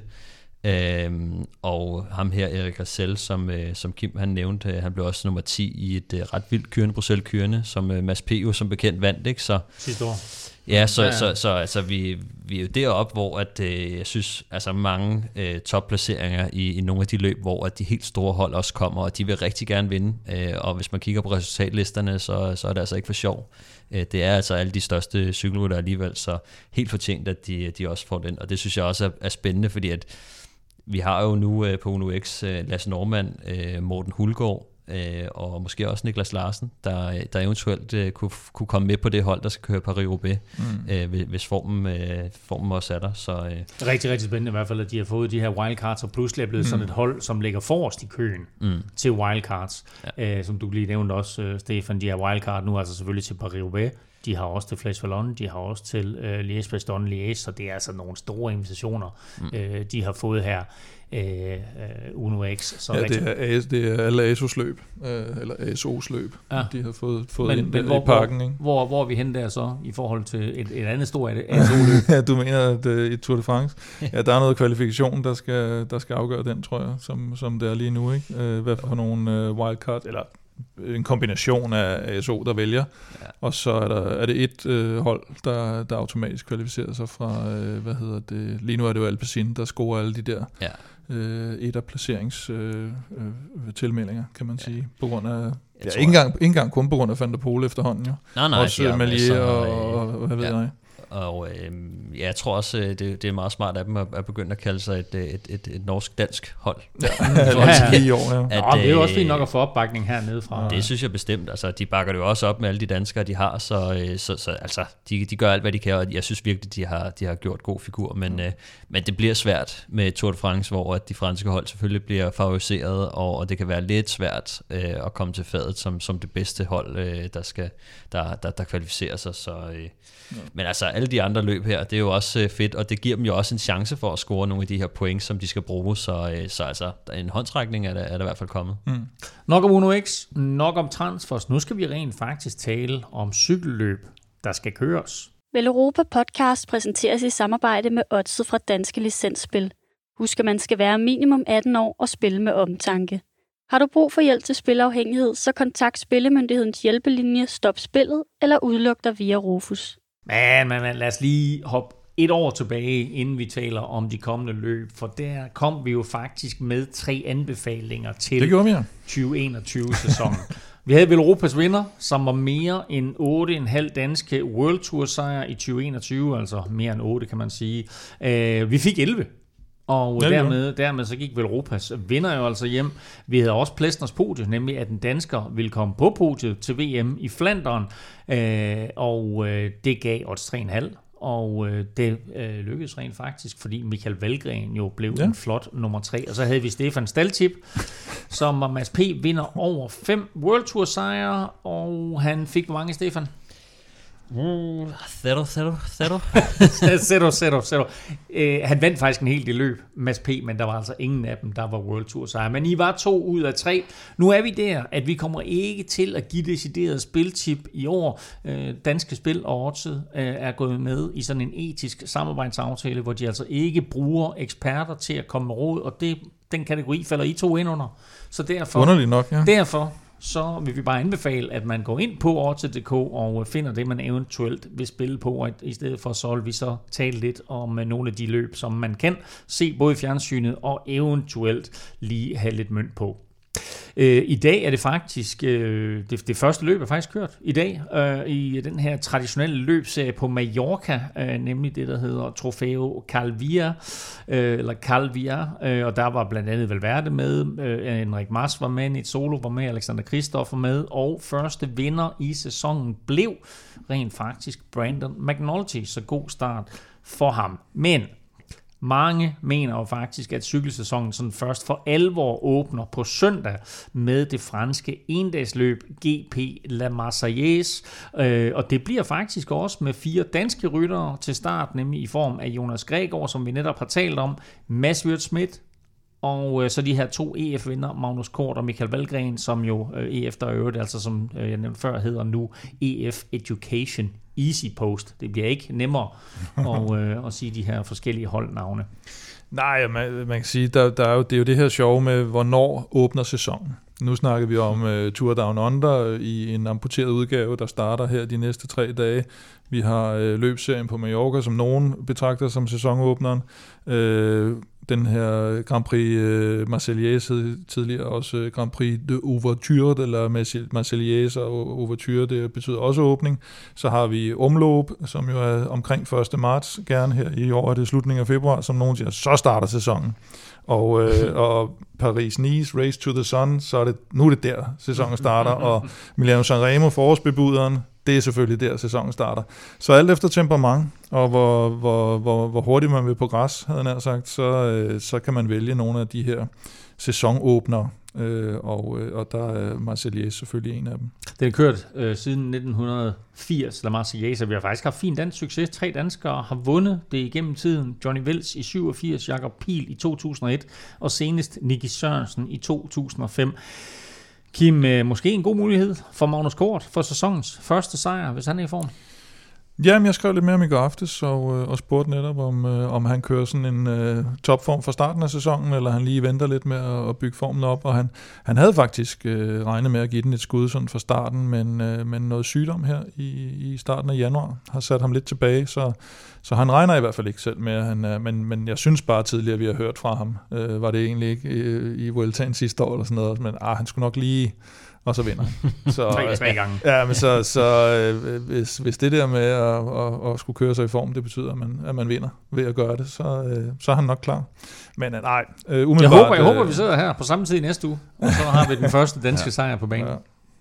Nej, det... Øh, Ja, men uh, Stefan, løbet her, uh, La Marseillaise, hvad kan du sige om det? Øh, jamen altså traditionelt så har det jo faktisk været et øh, forholdsvist øh, kort løb, altså øh, sådan noget 135-140 kilometer, øh, hvor at øh, der har været en, en stigning, øh, der hedder Route de Cret, der har øh, været sådan løbsafgørende og har været sådan lidt et mix af øh, sprinterhold, der gerne vil prøve at holde det samlet henover eller hente, hente udbryderne ind, og så er det sådan lidt et mix mellem øh, øh, Øh, kan man stikke afsted på den her stigning, eller bliver det trukket hjem til en, til en spurt. Øh, sidste år øh, tog de lige et, et nyk op, gjorde løbet lidt længere, og i år har man også øh, tilføjet en ekstra lille krydderi efter den her Route de Crête, som, øh, som er en stigning på øh, 3,5 km, der stiger med 9%, så sådan en ret øh, krasbørstig, øh, forhold, men stadig forholdsvis kort øh, bjerg, kan man sige. Efter den, så, øh, så rammer de den her lidt, øh, lidt, øh, nye stigning, er det jo ikke sammen, men det er det samlet med sidste år, øh, Pas, øh, eller Pas de Olier, Pardouillet, par, par, Pardouillet, tror jeg, den hedder. Pardouillet, øhm, som er 4,5 km med, med 5,3 øh, i snit. Øh, så også noget, der, der kan trække lidt tænder ud, eller i hvert fald øh, gøre det lidt sværere at, at, at holde løbet øh, neutralt, øh, og det favoriserer måske lidt mere et aktivt cykelløb øh, og de her øh, bjergrytter, så jeg vil sige, øh, det, det bliver nok øh, lidt sværere at, at holde det sammen, men, øh, men jeg tror stadig, det bliver det her mix mellem... Øh, altså øh, mellem sprinter og, og, og, og folk, der gerne vil, vil køre lidt udefra. Øh, så jeg tænker, altså Magnus Kort er et rigtig godt bud, hvis, hvis han har noget form på. Øh, Valgren selvfølgelig også i det her kuperede terræn, øh, men ellers så vil jeg gætte på, at øh, det nok er folk som øh, Bauke Mollema, Pierre Latour, Tony Galopin, øh, Guillaume Martin, eller ham her øh, Clement øh, Champoussin, som, øh, som er gode øh, lokale bud, mange af dem også. Øh, og hvis ikke, at øh, hvis kan man sige, der er modvind eller et eller andet, øh, der, der ikke er, er nok aktivitet, øh, så, så ligger den også godt til Brian Kokar, øh, Ulisi, Daryl Impey øh, og de her, øh, de her typer. Og, og Magnus Kort, vel? Magnus Kort selvfølgelig også, ikke, ja. hvis det bliver en spurt. Øh, han kan jo det hele efterhånden. øh, ja. Det er søndag, det køres. Øh, Marseillais Allerede to dage efter, altså tirsdag, der skydes det første etabeløb i gang, når Etoile de Bessage køres fra 2. til 6. februar. Øh, de samme fire danskere deltager, men så får de faktisk følgeskab af Mads P., øh, Julius Johansen og øh, Morten Hulgaard øh, fra, fra UNOX, så altså i alt syv danskere til start, som det ser ud lige nu. Ja, og vi har Etoile de Bessage, øh, kaldes nu også øh, Tour de Garde kunne jeg læse mig til. Og øh, ja, begynder tirsdag, fire etaper, slutter med en, øh, en enkelt start, 11 km. Og Kort han vandt en etape i 2020, og øh, hvor han slog øh, Borsen Hagen i en, i en spurt, og så øh, vandt Vellens, Tim Vellens sidste år foran øh, Kwiatkowski og Pollitt. Vellens har det jo med at køre sådan relativt godt for sæsonstarten, enten på Mallorca eller i, i Frankrig mange gange. Så ikke helt overraskende der. Og danskerne chancer, Stefan? Øhm, ja, altså jeg tror, at øh, flere danskerne øh, kan vinde en tab. Altså øh, der er øh, fire etapper, som, som Kim siger, og så en femte etape, som er, som er enkeltstarten. Øhm, og der er en af de her etapper, øh, det, er, det er fjerde etape, som, øh, som slutter med en, med en sådan rimelig øh, led stigning. Øh, ikke fordi, at det er sådan et uh, tourmalet eller noget, men altså sådan noget, øh, sådan noget, der bliver rimelig stejlt og lidt for kedeligt øh, til, til danskerne. Men, øh, men øh, hvad hedder det, kan man sige, alle de andre etaper, inklusive enkeltstarten, øh, der tror jeg sgu, vi har, vi har rimelig gode øh, kort på hånden med, øh, med Valgren, Kort, Wirtz og, og Mads P. Øhm, jeg i grundet den her bjergetappe, der, der er, så, så tror jeg, at uh, klassementsforventningerne må vi nok øh, skrue lidt ned, men altså det, det bliver spændende at se, øh, Jonas Gregor øh, er også med, øh, forventeligt i hvert fald, Øh, på, på, på Uno X, øh, som måske, han er sådan en type, der, der, der plejer at prøve at holde sig meget til at køre klassement. Øh, det kunne måske være et løb for ham, øh, hvor han kunne prøve at vise sig lidt frem på sin nye hold, og så glæder jeg mig også bare til at se øh, Julius Johansen hos, øh, hos øh, Intermarché, som øh, altså sådan, det kom meget bag på mig, at uh, han skiftede det hold, som, mm. som egentlig er et stort hold, og, og måske egentlig passer meget godt til ham. Uh, men, men altså, det, det bliver det her med den eneste dansker uh, på, på et uh, udenlandsk hold. Heldigvis så er der en uh, Alexander Kristoff uh, på holdet også, ikke? Uh, så så, så det, det glæder mig bare lige til at se, hvordan han falder til på, på det hold. Julius Johansen selvfølgelig meget genkendelig på sit øh, store hvide skæg, så han bliver nem at, at, at spotte i feltet. Hvem er sådan de store favoritter i løbet? Øh, ja, altså grundet den her bjergetap, der er, så, så tror jeg, at vi skal kigge lidt efter dem, og, og nogen, som alligevel kan holde kæden stram på, på en enkelt start. Så det er øh, Richard Carapaz, Bauke Mollema, øh, Kwiatkowski, som, som jeg mener også har vundet løbet før, og, og Danny Martinez. Øh, det er i hvert fald et, et par hurtige gode bud på, på noget, men altså jeg vil sige, meget kan, meget kan ske i, i, i Toile de Bessage, som, som også øh, i de her tidlige løb, øh, der, der, der, der, der, der sker der lidt, øh, lidt, lidt ting og sager. Altså der er nogen, der godt kan være i stjerneform, øh, som vi ikke lige havde, havde set øh, før, ikke? Altså, øh, men, men øh, det, det, det tror jeg, at, at det er i hvert fald fire gode bud på, på, på en vinder. Der er lagt pres på de danske ryttere. Sidste år, der gik der jo nærmest ikke en uge i foråret, uden at vi kunne åbne en Europa podcast med en dansk vinder. Så lad os bare håbe, at øh, det er tilfældet i næste uge også. Hvis du har lyst til at øh, se de her løb, så er de altså øh, i fjernsynet på de der øh, forskellige kanaler, der nu har cykelsport. Og har du lyst til at spille på, øh, på løbene, så gå ind og tjek odds på odds.dk. Øh, støt dem de støtter os. Vores øh, sidste udgave af Velropa Podcast før nytår var også vores store awardshow, hvor vi uddelte et hav af danske og internationale priser. Øh, nu har Danmarks Cykelunion så officielt kåret, øh, sådan, hvem der skulle være danske, årets danske cykelrytter hos herrerne og hos kvinderne, øh, og i et år med øh, større præstationer og resultater end nogensinde før, så vandt Jonas Vingegaard hos herrerne. Hvad siger vi til det? Øh, jamen altså, det er jo det her med, med Tour de France og, og, og Danmark, øh, som er, er noget helt specielt. Altså, det er jo også bare det største løb. Øhm, så jeg kan egentlig godt acceptere det. Altså det, det, det er fint nok. Jeg har jo også talt lidt øh, for Jonas Vingegaard øh, og den præstation der, men, men jeg vil alligevel sige, øh, at Esgrens øh, Flandern rundt øh, sejr over øh, Wout van Aert og, og Mathieu van der Poel, øh, den er nok sådan lidt mere mindeværdig, og noget, der, der larmer lidt mere. Øh, mm. Og så er det også en sejr.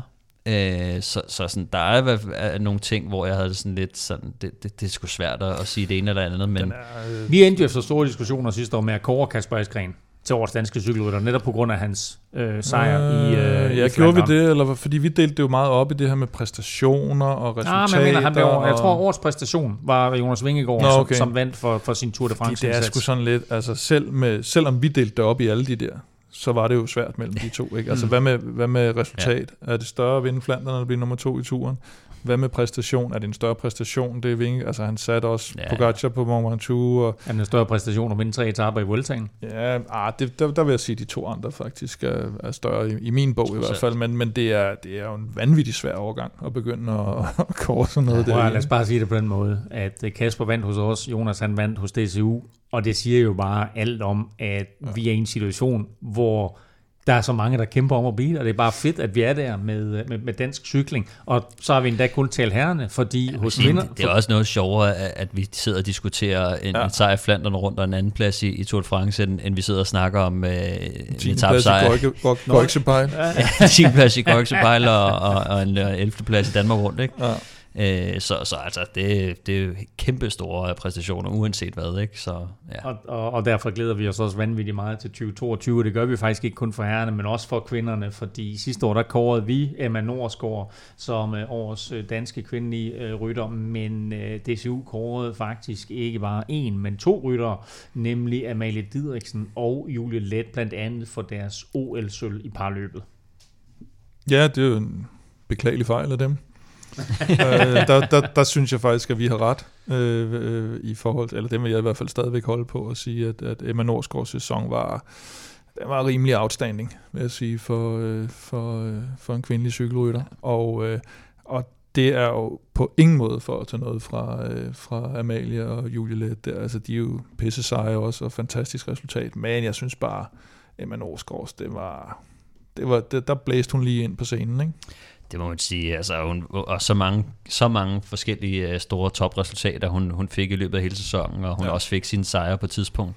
Øhm, men jeg tror, jeg tror virkelig, det har meget at gøre med det her uh, OL oh, øh, ja, ikke? Uh, som, som alle bare tænker, at OL er bare det største, men for, for en cykelrytter tror jeg ikke, at, at et bane-OL er så meget større end et flander rundt, eller uh, nogle af de andre store ah, forårsklassikere, så, så på en eller anden måde, så begge to uh, store ting, og jeg under det også virkelig til, til Amalie og Julie, ja, som uh, som uh, også i en svær tid i deres karriere har, mm. har, har leveret et, et rigtig stort resultat og, og har været deres uh, store målsætning. Ikke? Så, så, men, men jeg synes klart, at Emma hun, uh, hun fortjente den her. Altså hun har været den mest... Uh, den mest i øjnefaldende og, og, og den med de største resultater på kvindesiden. Og den danske rytter sidste år med, med flest sejre, både hos herrene og øh, kvinderne. Dermed altså øh, to faktisk tre ryttere kåret af DCU som øh, årets danske cykelryttere. Det vil sige, de har allerede vundet noget. Nu skal vi have fundet ud af, hvem der lægger sig foran i årets. Første udgave af quizzen. Og spørgsmålet var jo ret simpelt. Der har været tre danskere på podiet i Tour Down Under gennem tiden. Løbet er kørt siden 1999. Så hvem er de tre danske rytter? Jeg har bedt jer om at skrive tre svar op, og jeg har set de tre svar, så øh, jeg ved, hvad I har svaret. Hvordan synes du det? Hvordan synes du Jamen, jeg synes ikke, at det gået skide godt. Nej. Øhm, men øh, I kan starte med øh, en hver, og så ser vi, hvem der, hvem der rammer plat. Nå. Du skulle starte, ikke, Stefan? Var det ikke sådan? Stefan? Ja. Øh, jamen, øh, jeg okay, fordi jeg, nu gemmer jeg, jeg gemmer min gode til senere, ja. Ja. Fordi jeg er bange for, om du øh, kopierer mig, Kim. Nå, Øh, Jakob Fuglsang. Jamen, nu har har vi jo skrevet det ned, så det er Jakob lidt svært. Fuglsang øh, er desværre ikke korrekt. Nej, det frygtede jeg lidt. Nå, så siger jeg Lars Bak. Lars Bak giver faktisk et point, fordi han blev nummer 3 i 2007. Uff. Ja, Så ikke en start, Stefan. Stefan? Jamen, så, øh, så, så hiver jeg Nicky Sørensen frem. Nicky Sørensen er også et vanvittigt godt bud. Øh, Det giver dog Men- ikke nogen point. Godt. Kim? Øh, så siger jeg Nicky Sørensen. Ja, havde du også på næsten det er korrekt, og han øh, giver stadigvæk ikke nogen point. Nej. Så er sidste chance for at score et point her, Stefan. Jeg, jeg, jeg, jeg, jeg har det på fornemmelsen, at der er et eller andet, som, øh, som vi ikke er sådan, øh, som ikke er sådan en øh, kendt rytter, som har Det vundet sådan rigtig meget. Er der en, der er en, Øh, som overrasker? Og det er den, som, øh, som vi skal frem til. Ja. Øhm, jeg, Du har har nok, skrevet det, har du jeg har godt nok Jakob Pil på, øh, på papiret, Åh oh, gud, ja, det er rigtig billigt. men, øh, men ja, det, det bliver jeg nødt til at holde, holde ved jo. Og det var da tåbeligt. Fordi, fordi det er nemlig forkert. Kim, Nå. dit sidste svar. Jamen, øh, jeg har skrevet øh, Martin Petersen, Ja, men det var fordi, han vist engang gjorde det godt i Tour of Britain, så tænkte jeg, der taler de også engelsk. ja. Men uh, han gjorde det ikke så godt i... Uh, Nej. jeg ved ikke, hvad han har gjort i Australien, men i hvert fald er han ikke blevet i uh, top 3. Uh, det eneste korrekte svar, I havde, det var altså Lars Bak, og dermed så fører Kim quizzen 1-0. De, det var to andre, de to andre, det var faktisk uh, 1999. Første år. Stuart O'Grady vandt. Der må du næsten er have været. da ikke dansker. Nej, nej. Dog op, mand. Der må jeg næsten have været der. Hvor? Er det kastet? Ikke i Australien, men på Team CC. Hvornår var du var I der? 99? Nå, undskyld, så gammel er du Det var kraftigt med det, at Bjarne vandt turen. Ja, Ja, et eller andet, øh, Stuart O'Grady vandt, Magnus Bækstedt blev træer. Jesper Skiby blev nummer to. Han skal man jo altid. Han skal og altid have. i 2003, Mikkel Astalosa vandt. Stuart O'Grady var igen på podiet, han blev nummer tre. Og nummer to var Rolf Sørensen. Lenny Christensen. Åh, oh, okay. Lenny Christensen. Den havde jeg ikke hævet op af, Nej, men af altså, skuren. der havde jeg forventet lidt mere, ja. Kort og lang er, Ja, efter første runde i quizzen, der har Kim lagt sig foran med et. det er en øh, stor sejr. Hey, vi er tilbage. Det er fedt, det er 2022. Men nu, Det du, er stop, stærk du stopper jo, har jeg hørt. Med hvad? Ja, du skal lave vild med dans. ja, det står rygte på BT, ikke? Altså, hvor kommer Kommentere det, hvor på kommer rygte. det rygte Kommentere fra? på det kommer rygte. vist ikke til at ske. Øh, nej, fordi Nå. ved I hvad? Du hørte det her først? Jeg skal lave Velropa podcast hele år, og jeg glæder mig vanvittigt meget til den sæson, vi går ind i. Jeg glæder mig vanvittigt meget til Tour de France. Jeg glæder mig vanvittigt meget til foråret og alle de her fedløb, vi går i møde, og forhåbentlig med en masse store danske præstationer. Vi har haft en stor dansk præstation allerede i dag. Den stod du for, Kim. Du er virkelig Du stor. fører quizzen. Og Stefan, du får mulighed for at reducere, eller måske endda tage føringen på onsdag, hvor vi er tilbage med næste udgave af Velropa Podcast. Hvis du vil vinde en Velropa Cup, så hop ind og støt os på tier.dk. Det hjælper os altså rigtig, rigtig meget og kan det vil altså give dig en kop, som du kan sidde og hygge dig med til cykelløb hele året. Og ved du ikke, hvad du skal lytte til nu, må jeg så anbefale NFL-showet, hvor undertegnet sammen med Thomas Kvartrup hver uge tager temperaturen på NFL, og hvor der i den kommende weekend er semifinaler til Super Bowl. Indtil vi høres ved, der kan du følge Kim og Velropa på Twitter. Det sker på Snablag Velropa, og øh, sagde jeg høre, eller sagde jeg følge? Anyway, du kan følge Kim og Velropa på Twitter. Det sker på Snablag Velropa. Stefan finder du, som altid, på Snablag. Stefan Djurhus, hvad er du oppe på, Stefan? Øhm, Er du over 2000? 1993, tror Uh! jeg. Og det er sådan, Vi skal have ham over 2000. Kom så alle sammen. og undertegnet finder du på Twitter, Insta og Facebook på Snablag NFL. Tak for nu. Velkommen tilbage, og tak fordi du lyttede med. Tak til alle vores støtter på tier.dk, uden jer ingen vil Europa podcast. Og tak til vores partnere Hello Fresh og Odds fra Danske Spil. Støt dem, de støtter os, og lad os så få et rigtig, rigtig fedt dansk cykelår her i 2022. Thank